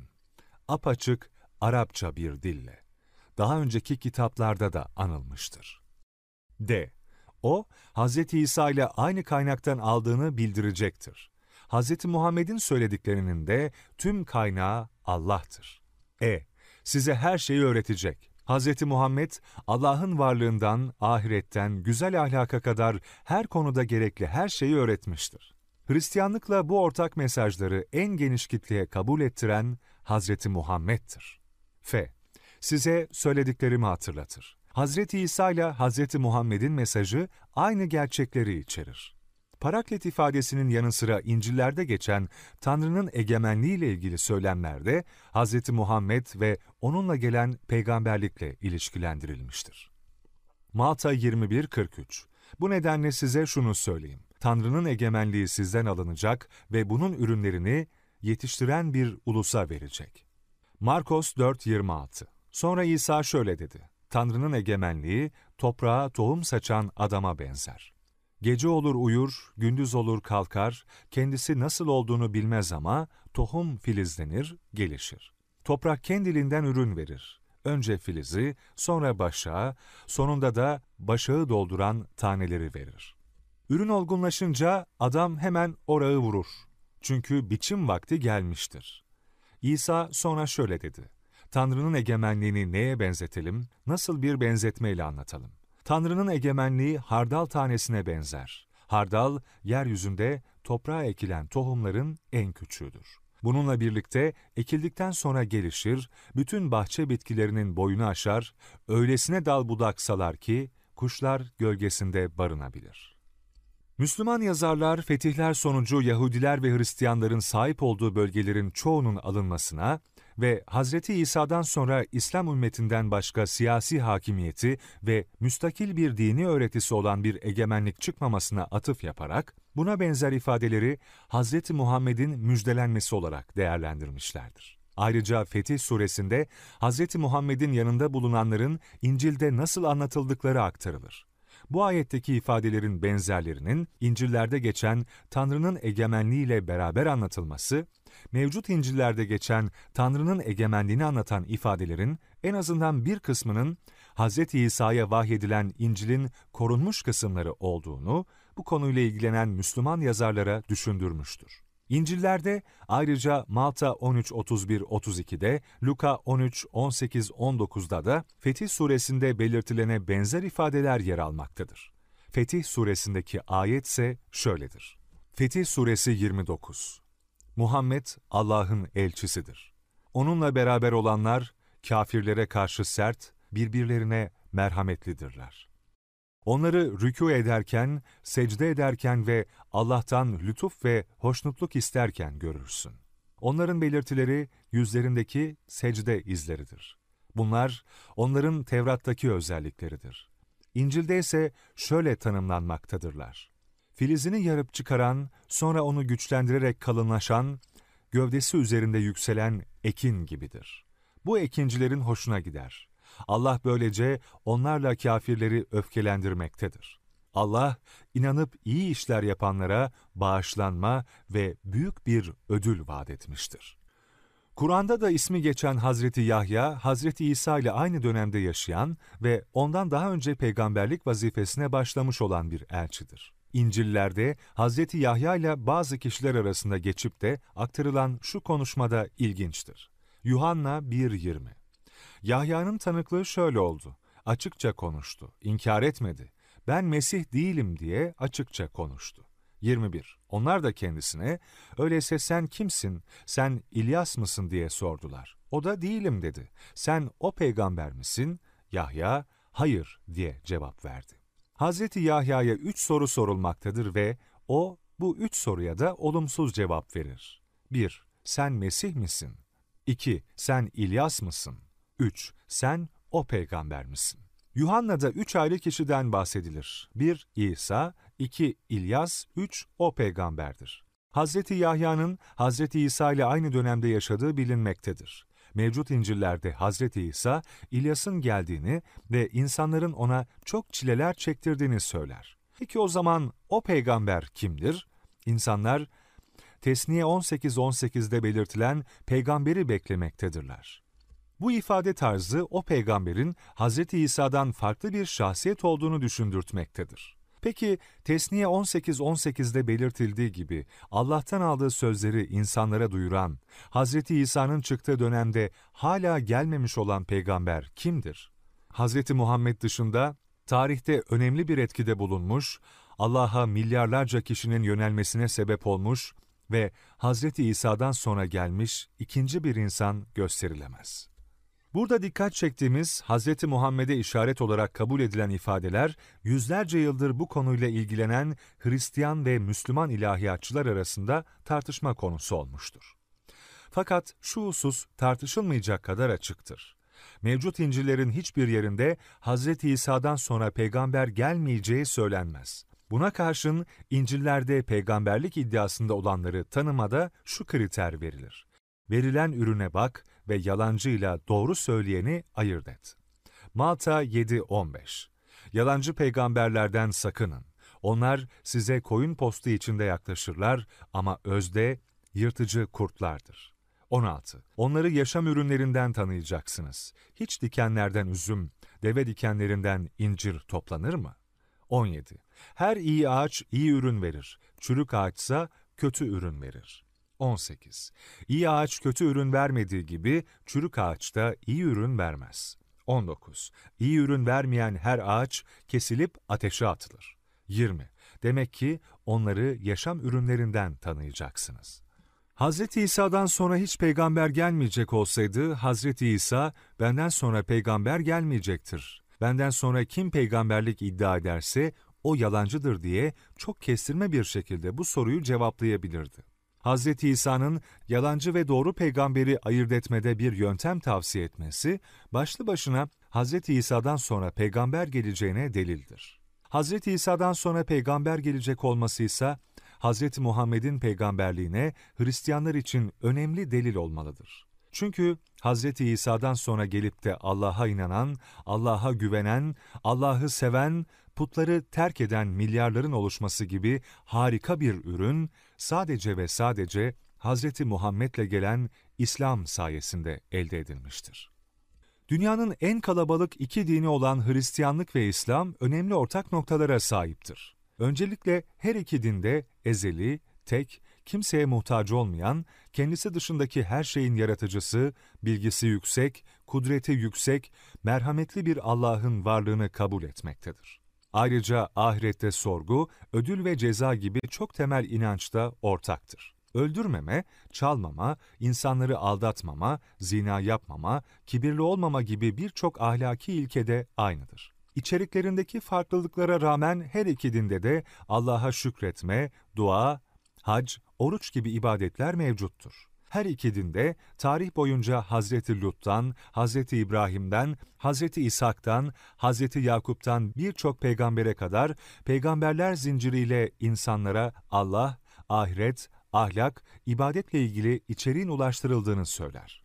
En önemli farklılık Hz. İsa'nın mahiyetiyle ilgili farklı inançtan kaynaklanmaktadır.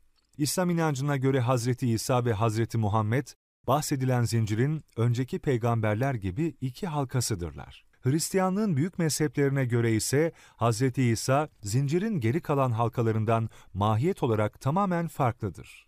İsa ezeli tanrıdır. Ezeli tanrı, tek bir tanrı olmakla beraber, kendi içinde üç kişi barındırır. Bunlar Baba, İsa ve Kutsal Ruh'tur. Tanrısal öze sahip bir varlık olan İsa, Meryem'in rahminde tıpkı öteki insanlar gibi beden almıştır. O bir taraftan tamamıyla Tanrı, diğer taraftan tamamıyla insan kabul edilmektedir. Zira o, tanrısal yönü itibariyle Tanrı'ya, beşeri yönü itibariyle ise öteki insanlarla aynı özü paylaşmaktadır. Burada üçleme inancına sahip Hristiyanlara kendi inandıkları metinler üzerinden bir deney teklifinde bulunmak istiyorum. İslam'ın ve büyük Hristiyan mezheplerin İsa'ya ilişkin kabullerinden habersiz bir grup oluşturalım. Onlara önce Hristiyanların kutsal kitap olarak kabul ettikleri metinlerin üçte ikisinden fazlasını oluşturan eski ahiti okutalım. Sonra onlardan bu kitaptan anladıkları Tanrı inancını ve bu kitaba göre gelecek Mesih'in özelliklerini yazmalarını isteyelim. Ben bu topluluğun %95'ten fazlasının eski ahitten anladıkları Tanrı inancının ve beklenen Mesih'in özelliklerinin Kur'an'ın anlattığı Allah inancıyla ve Kur'an'da anlatılan peygamber özellikleriyle Hristiyanlığın büyük mezheplerinin anladığı üçleme inancından ve hem ezeli Tanrı hem insan olan Mesih İsa anlayışından çok daha uyumlu olacağını iddia ediyorum. Hatta bu iddiamı bir adım ileri götürebilirim. Bu topluluğa dört İncil'le beraber tüm yeni ahiti okutalım. Sonra onlardan bu kitaptan anladıkları Tanrı inancını ve Hz. İsa'nın özelliklerini yazmalarını isteyelim.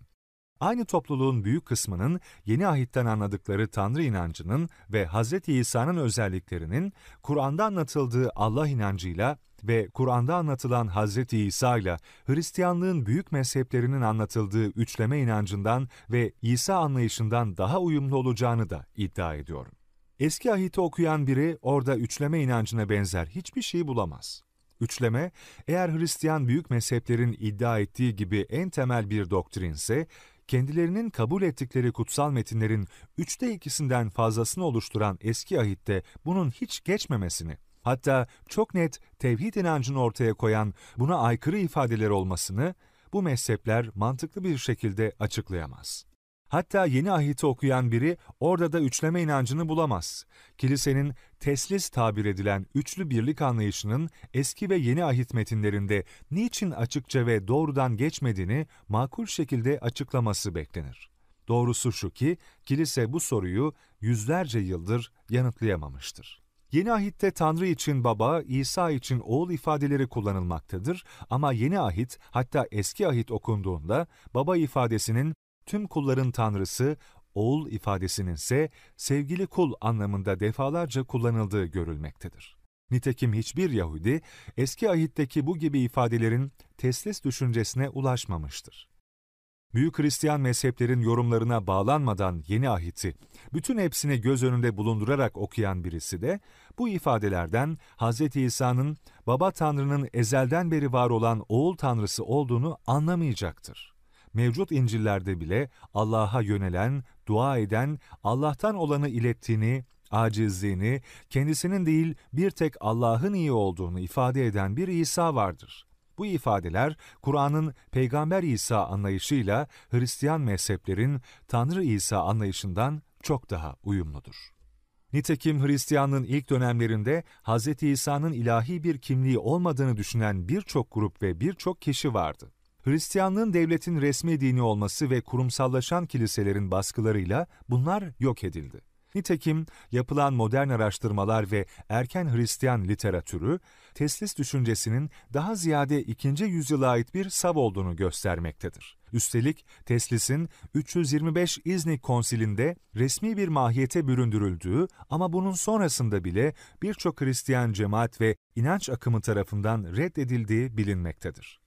İmparator 1. Theodosius, Hristiyanlığı bir tarafta tek tip bir inanç haline getirmeye çalıştı ve öte tarafta Hristiyanlık karşısında o zamanlar mevcut paganizm, Yahudilik ve diğer dinlerin taraflarını baskı altına alırken, ortaya koyduğu yasalar ve uygulamalarla yani aslında bir bakıma devlet gücünü kullanarak teslis inancını bütün Hristiyanlığın yegane doğru akidesine dönüştürmeyi başardı. Bilindiği gibi günümüzdeki bazı Hristiyan gruplarda ilahi kimliği olmayan İsa anlayışına sahiptir. İslam'ın tarihte oynadığı en önemli rollerden biri, Hristiyanlığın büyük mezheplerinin savunduğu ilah İsa anlayışını düzeltmesi ve onu şerefli peygamberler zincirinin şerefli bir halkası olarak takdim etmesidir. İslam bir yandan Yahudilik ve Hristiyanlığı kucaklar, bunların aslında tek dinin tarihin değişik zaman dilimlerinde ve yerlerindeki bildirimi olduğunu anlatıp birbirine bağlar. Diğer yandan üçleme inancı gibi insani eklemeleri düzeltir. İslam'ın Yahudiliğe ve Hristiyanlığa bu bakışı, üçleme inancına karşı bu duruşu, üstelik İslam'ın bizzat Yahudi ve Hristiyan kutsal metinlerinde de göze çarpan geleceğe yönelik beklentilerini karşılayacak bir mahiyet taşıması, neden Müslümanım sorusuna sunacağım birçok gerekçeden biridir. Kur'an'daki Hz. İsa ile Hz. Meryem ve Apokrif İnciller bu başlık altında az dikkat çekmiş ve önemi gereğince anlaşılamamış bir konuya değineceğim. Hz. İsa'nın vefatından sonra 1. asrın sonlarında ve 2. asırda günümüzde kanonik kabul edilen 4 İncil'le beraber bu İncil'lerin dışında kalan ve apokrif İncil'ler olarak bilinen birçok İncil de yazılmıştır. Modern çalışmalar göstermektedir ki miladi 1. yüzyılın sonlarından itibaren Hristiyan dünyada bugün adına İncil denilen birçok metin dolaşmaya başlamıştır. İkinci yüzyıl ortalarında sayısı belki yüzlere varan bu İncil'ler arasından dört tanesi dönemin önde gelen Hristiyan din adamı İreneos'un da teklif ve teşvikiyle daha fazla ön plana çıkmaya başlamıştır. Bu İncil'ler 3. yüzyılda daha da sivrilmişler, nihayet 4. yüzyılda toplanan Laodikea, Hippo ve nihayet Kartaca konsilleri kanalıyla yeni ahit kanonuna dahil edilerek resmi statüye kavuşturulmuşlardır. Bilhassa 1. Theodosius döneminden itibaren Hristiyanlığın alternatif inanç geleneklerine ve bu gelenekleri ihtiva eden metinlere karşı sistemli kovuşturmalar yapıldığı bilinmektedir. Buna göre aslında Hz. İsa'yı ve öğretilerini anlatmalarına karşın, dört İncil dışındaki yüzlerce metin önce ötekileştirilerek kilise geleneği dışında bırakılmışlar, sonra ise unutulmak üzere tarihin derinliklerine terk edilmişlerdir. Bilim dünyasında bu metinlere bugün öteki İncil'ler ya da apokrif İncil'ler denilmektedir. Bu İncil'lerden birçoğu modern arkeoloji çalışmalarıyla gün yüzüne çıkarılmışlardır ancak çok daha fazlası henüz keşfedilmeyi beklemektedir. Günümüz teknolojisiyle birçoğuna internetten ulaşabilecek olmasına rağmen günümüzdeki Hristiyanlara sorsak %99'u apokrif İncil'lerin içeriği hakkında bir şey söyleyemeyecektir. Apokrif İncil'ler keşfedildikçe Hristiyan dünyada da belirli ölçülerde popüler olmuşlardır. Ancak bu metinlerin kilise tarafından ötekileştirilerek gelenek dışına itilmesi, bunların etkisini büyük ölçüde sınırlamıştır. Peki ama 7. yüzyılda durum nasıldı? Bu İncil'ler 7. yüzyılda mevcut metinler miydi ve daha da önemlisi Arabistan sahasında bu metinlere ulaşmak mümkün müydü? Hiç şüphe yok ki o zamanın olanaksızlıkları nedeniyle sıradan bir insanın geleneksel İncil metinlerini ihtiva eden bir el yazmasına bile ulaşması güçtü. Üstelik Arabistan, Hristiyan nüfusun görece az olduğu bir yerdi ve yazılı kültür neredeyse hiç gelişmemişti. Buradan bakıldığında bugün apokrif dediğimiz bir İncil'in veya İncil külliyatının 7. yüzyılda Arabistan sahasında insanlarca bilinen metinler olduğunu söylemek çok güçtür ki, o zamanlar bu gibi metinlerin Arabistan'daki varlığı bile çok su kaldıracak bir tartışmadır. Halbuki Kur'an'da Hz. İsa ve Hz. Meryem hakkındaki çok sayıda anlatımlar, bugünkü geleneksel İncil metinlerinde yer almamasına karşın, Hristiyan dünyada dışlanan söz konusu apokrif metinlerde bulunmaktadır. Bu konuda şu örnekleri verebilirim. Hz. Meryem'in doğmadan önce Allah'a adanması. Ali İmran Suresi 35 İmran'ın karısı şöyle demişti. Rabbim, karnındaki çocuğu sırf sana hizmet etmek üzere adadım. Benden kabul et. Şüphesiz sen işitensin, bilensin. Onu doğurunca dedi ki, Rabbim, onu kız doğurdum. Oysa Allah onun ne doğurduğunu daha iyi biliyordu. Erkek kız gibi değildir. Ona Meryem adını verdim. Kovulmuş şeytana karşı onu ve soyunu korumanı diliyorum. Yakup İncili 4.1 Ve işte Rabbin bir meleği ona görünüp şöyle dedi. Anna, Tanrı senin yakarmalarını duydu. Hamile kalıp çocuk doğuracaksın ve tüm dünya senin soyundan övgüyle bahsedecek. Anna yanıt verip dedi. Rabbim olan Tanrı şahidimdir ki, doğurduğum erkek de olsa, kız da olsa, onu Rabbime adayacağım ve çocuk tüm yaşamı boyunca Rabbe hizmet edecek. Hazreti Meryem'in sorumluluğu için Kura, Ali İmran Suresi 44. Bunlar sana vahyettiğimiz gayb haberlerindendir. Meryem'i kim himayesine alıp koruyacak diye Kura için kalemlerini atarlarken sen yanlarında değildin. Bu hususta tartışırlarken de yanlarında değildin. Yakup İncili 8.3 Rabbin meleği şöyle dedi.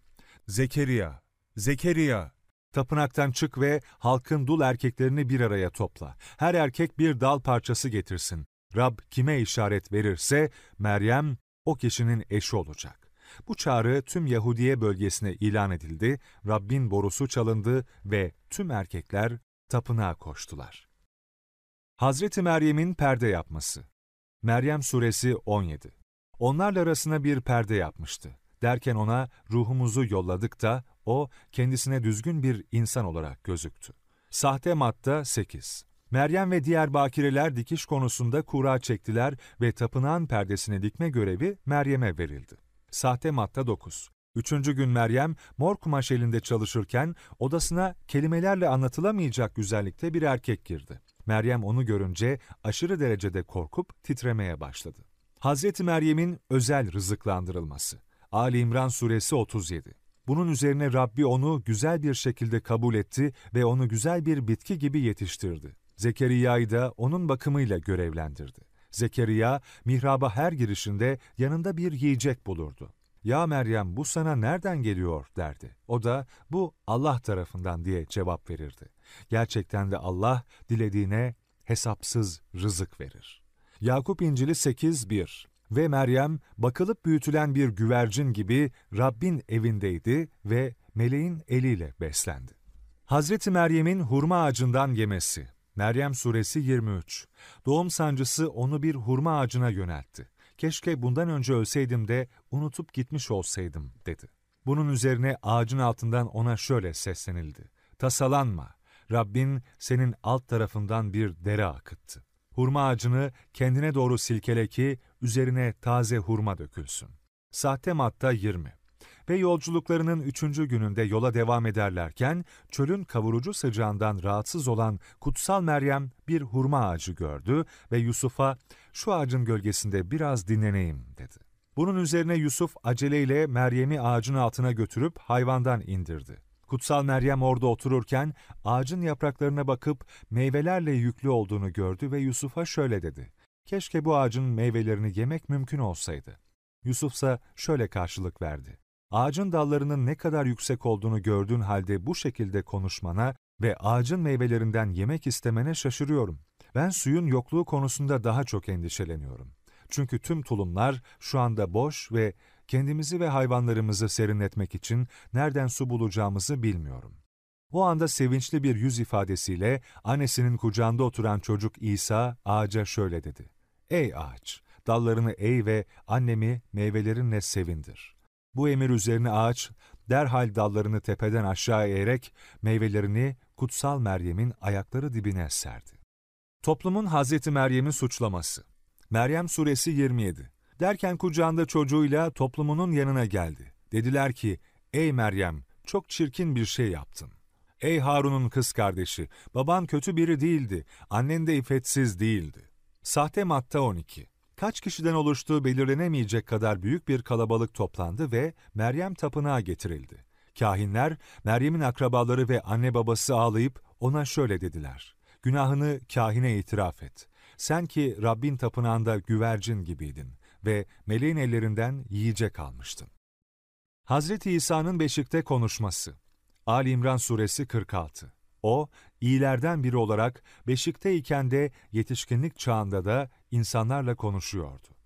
Kurtarıcının Arapça çocukluk İncili İsa konuştu ve gerçekten henüz beşikte yatarken annesi Meryem'e şöyle dedi. Ben İsa'yım. Melek Cebrail'in müjdesi uyarınca doğurduğun Tanrı oğlu ve Logos'um. Babam beni dünyanın kurtuluşu için gönderdi. Hazreti İsa'nın çamurdan kuş yapması. Maide suresi 110. Benim iznimle çamurdan kuş görünümünde bir şey yapıyor. İçine üflüyordun da o benim iznimle kuş oluyordu. Çocukluk Thomas İncili. Yumuşak balçık hazırladı ve bundan 12 serçe yaptı. Bunu yaptığında cumartesiydi. Onunla birlikte başka çocuklar da oynuyorlardı. Bir Yahudi, cumartesi günü İsa'nın oyun esnasında ne yaptığını görünce oradan hemen gitti ve babası Yusuf'a haber verdi. Bak, senin oğlun dereden balçık aldı, 12 kuş yaptı, cumartesiyi bozdu. Yusuf oraya geldiğinde onu gördü ve sordu. Cumartesi günü yapılmaması gerekeni niçin yapıyorsun? Ama İsa ellerini çırptı ve serçelere bağırdı. Gidiniz! Serçeler kanatlarını açtılar ve ötüşerek uçup gittiler. Peygamberimizin bir Yahudi veya Hristiyan topluluğunun içinde büyümediğini biliyoruz. Kur'an'da Hz. Muhammed'in kendisi de, içinden çıktığı kavmi de ümmi olarak nitelenir. Bu kelimenin Kur'an'daki kullanımına baktığımızda, bu kelimeyle Hz. Muhammed'in peygamberlik öncesi dönemde herhangi bir kutsal metine bağlılığının olmadığının ve bu metinlerin bilgisinden haberdar olmadığının vurgulandığı görülür. Cuma Suresi 2 O, ümmilerin içinden kendilerine ayetlerini okuyan, onları temizleyen, onlara kitabı ve hikmeti öğreten bir elçi gönderendir. Kuşkusuz, önceden apaçık bir sapıklık içindeydiler. Hz. Muhammed'in kutsal metinlerin bilgisine sahip olmadığını bilen kavmi için, Hz. Muhammed'in ancak bu konuda uzmanlaşmış Yahudi ve Hristiyan din adamlarının bilebileceği Tevrat ve dört İncil'de geçen Hz. Nuh'unki veya Hz. İbrahim'inki gibi kıssaları haber vermesinde bir olağanüstülük vardı. Birçok kişi Hz. Muhammed'in bu bilgileri bir şekilde Yahudi ve Hristiyanlardan öğrendiğini düşünüp şüpheye düştü.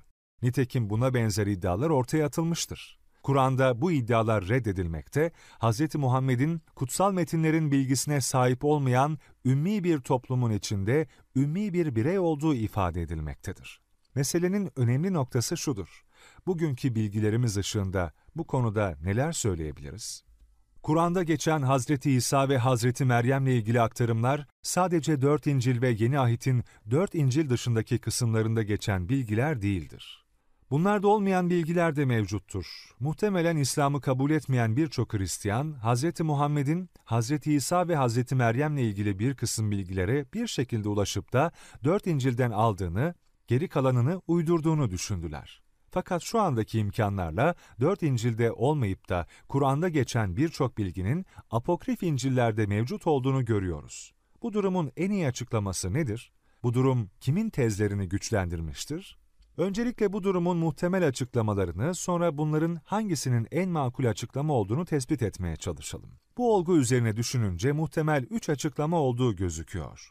Birincisi, Kur'an'da geçen olaylarla apokrif İncil'lerde geçen olaylar arasındaki benzerliğin tesadüfi bir benzerlik olduğu, başka bir açıklamaya ihtiyaç olmadığı şeklindedir.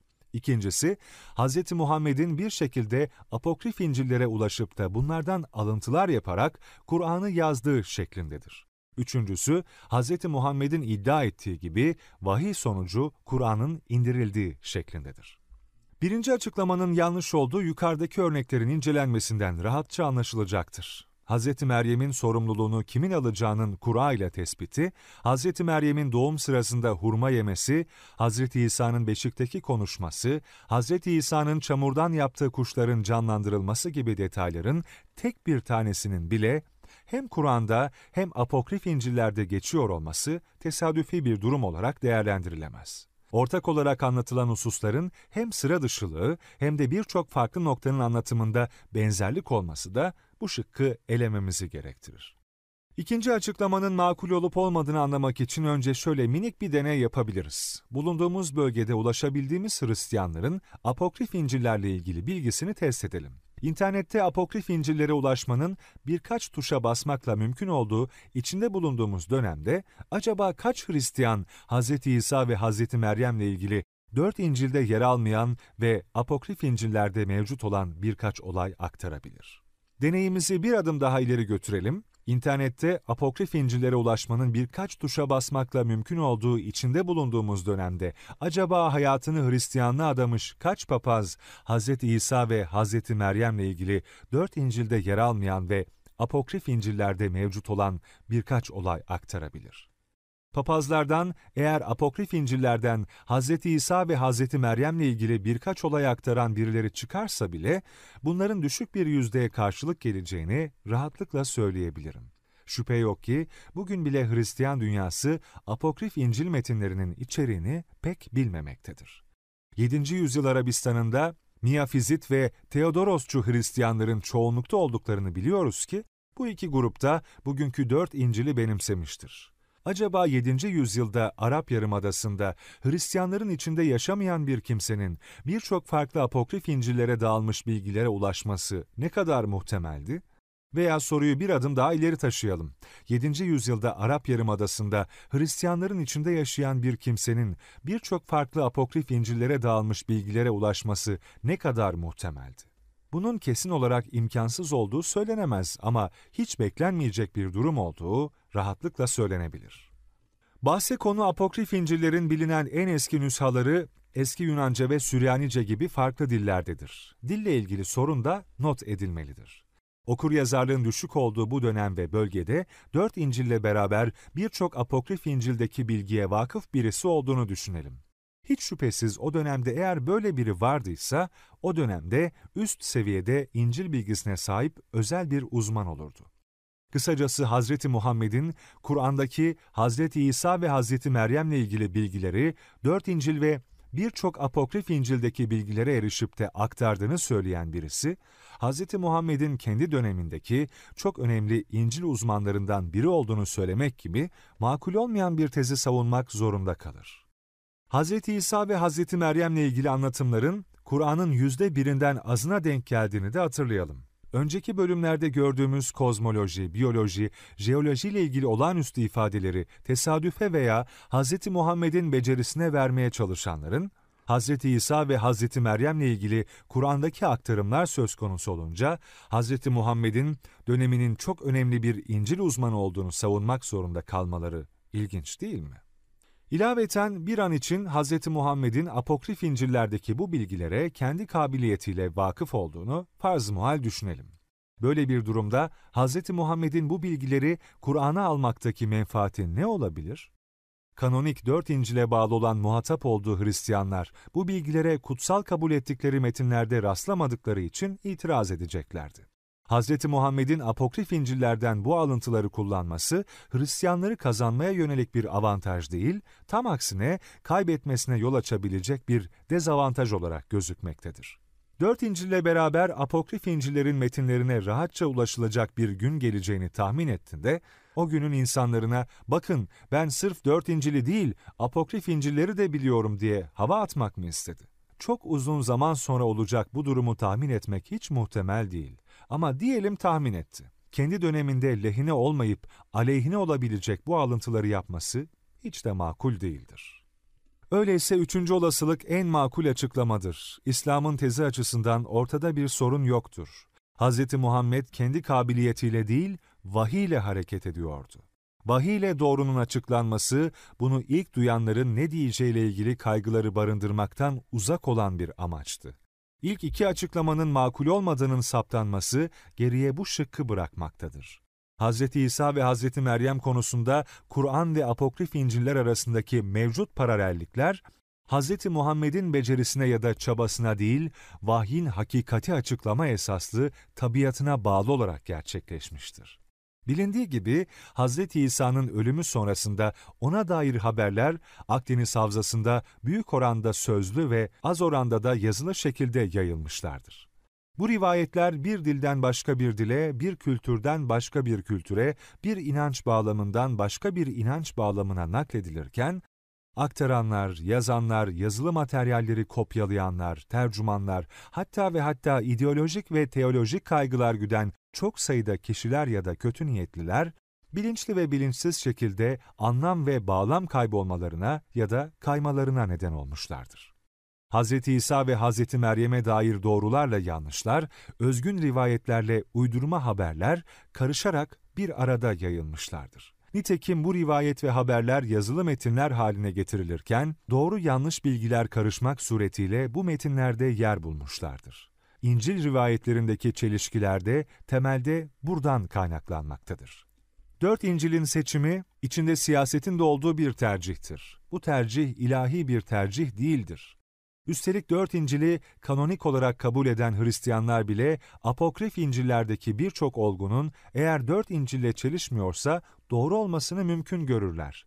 Dört İncil'i kanonik olarak görmeyen birisi ise böyle bir şart olmaksızın apokrif İncil'lerde bazı doğru aktarımlar olmasını mümkün görür. Hz. Muhammed'in bu denli geniş bir literatürü 7. yüzyılın Arabistan koşullarında bilmesi neredeyse imkansızdı. Önceden verdiğim örneği bir kez daha hatırlatmak istiyorum. Meliha ile Emre'nin kendileri için çok önemli bir yarışa girdiğini düşünün. Siz yarışı görmemiş olmakla beraber yarış bittikten biraz sonra yarış alanına gelmiş olun. Bu durumda eğer Meliha'yı çok sevinçli, Emre'yi üzgün görürseniz Meliha'nın yarışı kazandığına, yarışı kimin kazandığına tanıklık etmeden hükmedebilirsiniz. Çünkü Meliha yarışı kazandıysa sevinçli olmasının ve Emre kaybettiyse üzgün olmasının beklendiğini ve bunun aksi durumda Meliha'nın üzüntülü ve Emre'nin sevinçli olmasının beklendiğini bilirsiniz. Bu bilgiyle beraber Meliha'yı sevinçli, Emre'yi üzgün gördüğünüzde yarışı Meliha'nın kazandığı kanaatine ulaşırsınız. Burada kullanılan akıl yürütme şekli de tam olarak böylesine sıkça kullandığımız bir akıl yürütmedir. Mevcut durumu hangi görüşün doğru olması durumunda bekliyorsak, bu durumun gözlenmesi o görüş için delil hükmündedir. Kur'an'ın vahyedilmesine tanıklık etmedik. Ama Kur'an vahyedilmiş bir kitapsa, Hz. İsa ve Hz. Meryem'le ilgili söylediklerinin bir kısmının, Hz. İsa ve Hz. Meryem'le ilgili gerçeklerin bir kısmını içeren apokrif İncil'lerle örtüşmesi beklenecek bir durumdur. Tarih anlatımında Hz. İsa ve Hz. Meryem hakkında doğru ve yanlış bilgiler karışmıştır. Kur'an sadece gerçek tarihi olguları aktarıyorsa, geçmişteki bu dönemi anlatan birçok apokrif İncil'in kimi yerlerinde de tarihin bu gerçek olgularının aktarılmış olması beklenecek bir durumdur. 7. yüzyılda Hristiyan olmayan bir toplumun içinde bulunan Hz. Muhammed'in dört İncil'le beraber birçok farklı apokrif İncil'deki Hz. İsa ve Hz. Meryem'le ilgili anlatımlara ulaşmış olması ve bundan bir menfaati olmamasına rağmen bunları kullanması ise beklenecek bir durum değildir. Kur'an ve apokrif İncil'ler arasındaki tesadüfe atfedilemeyecek paralellikler, Kur'an'ın Allah'tan gelen bir vahiy olduğunu desteklemektedir.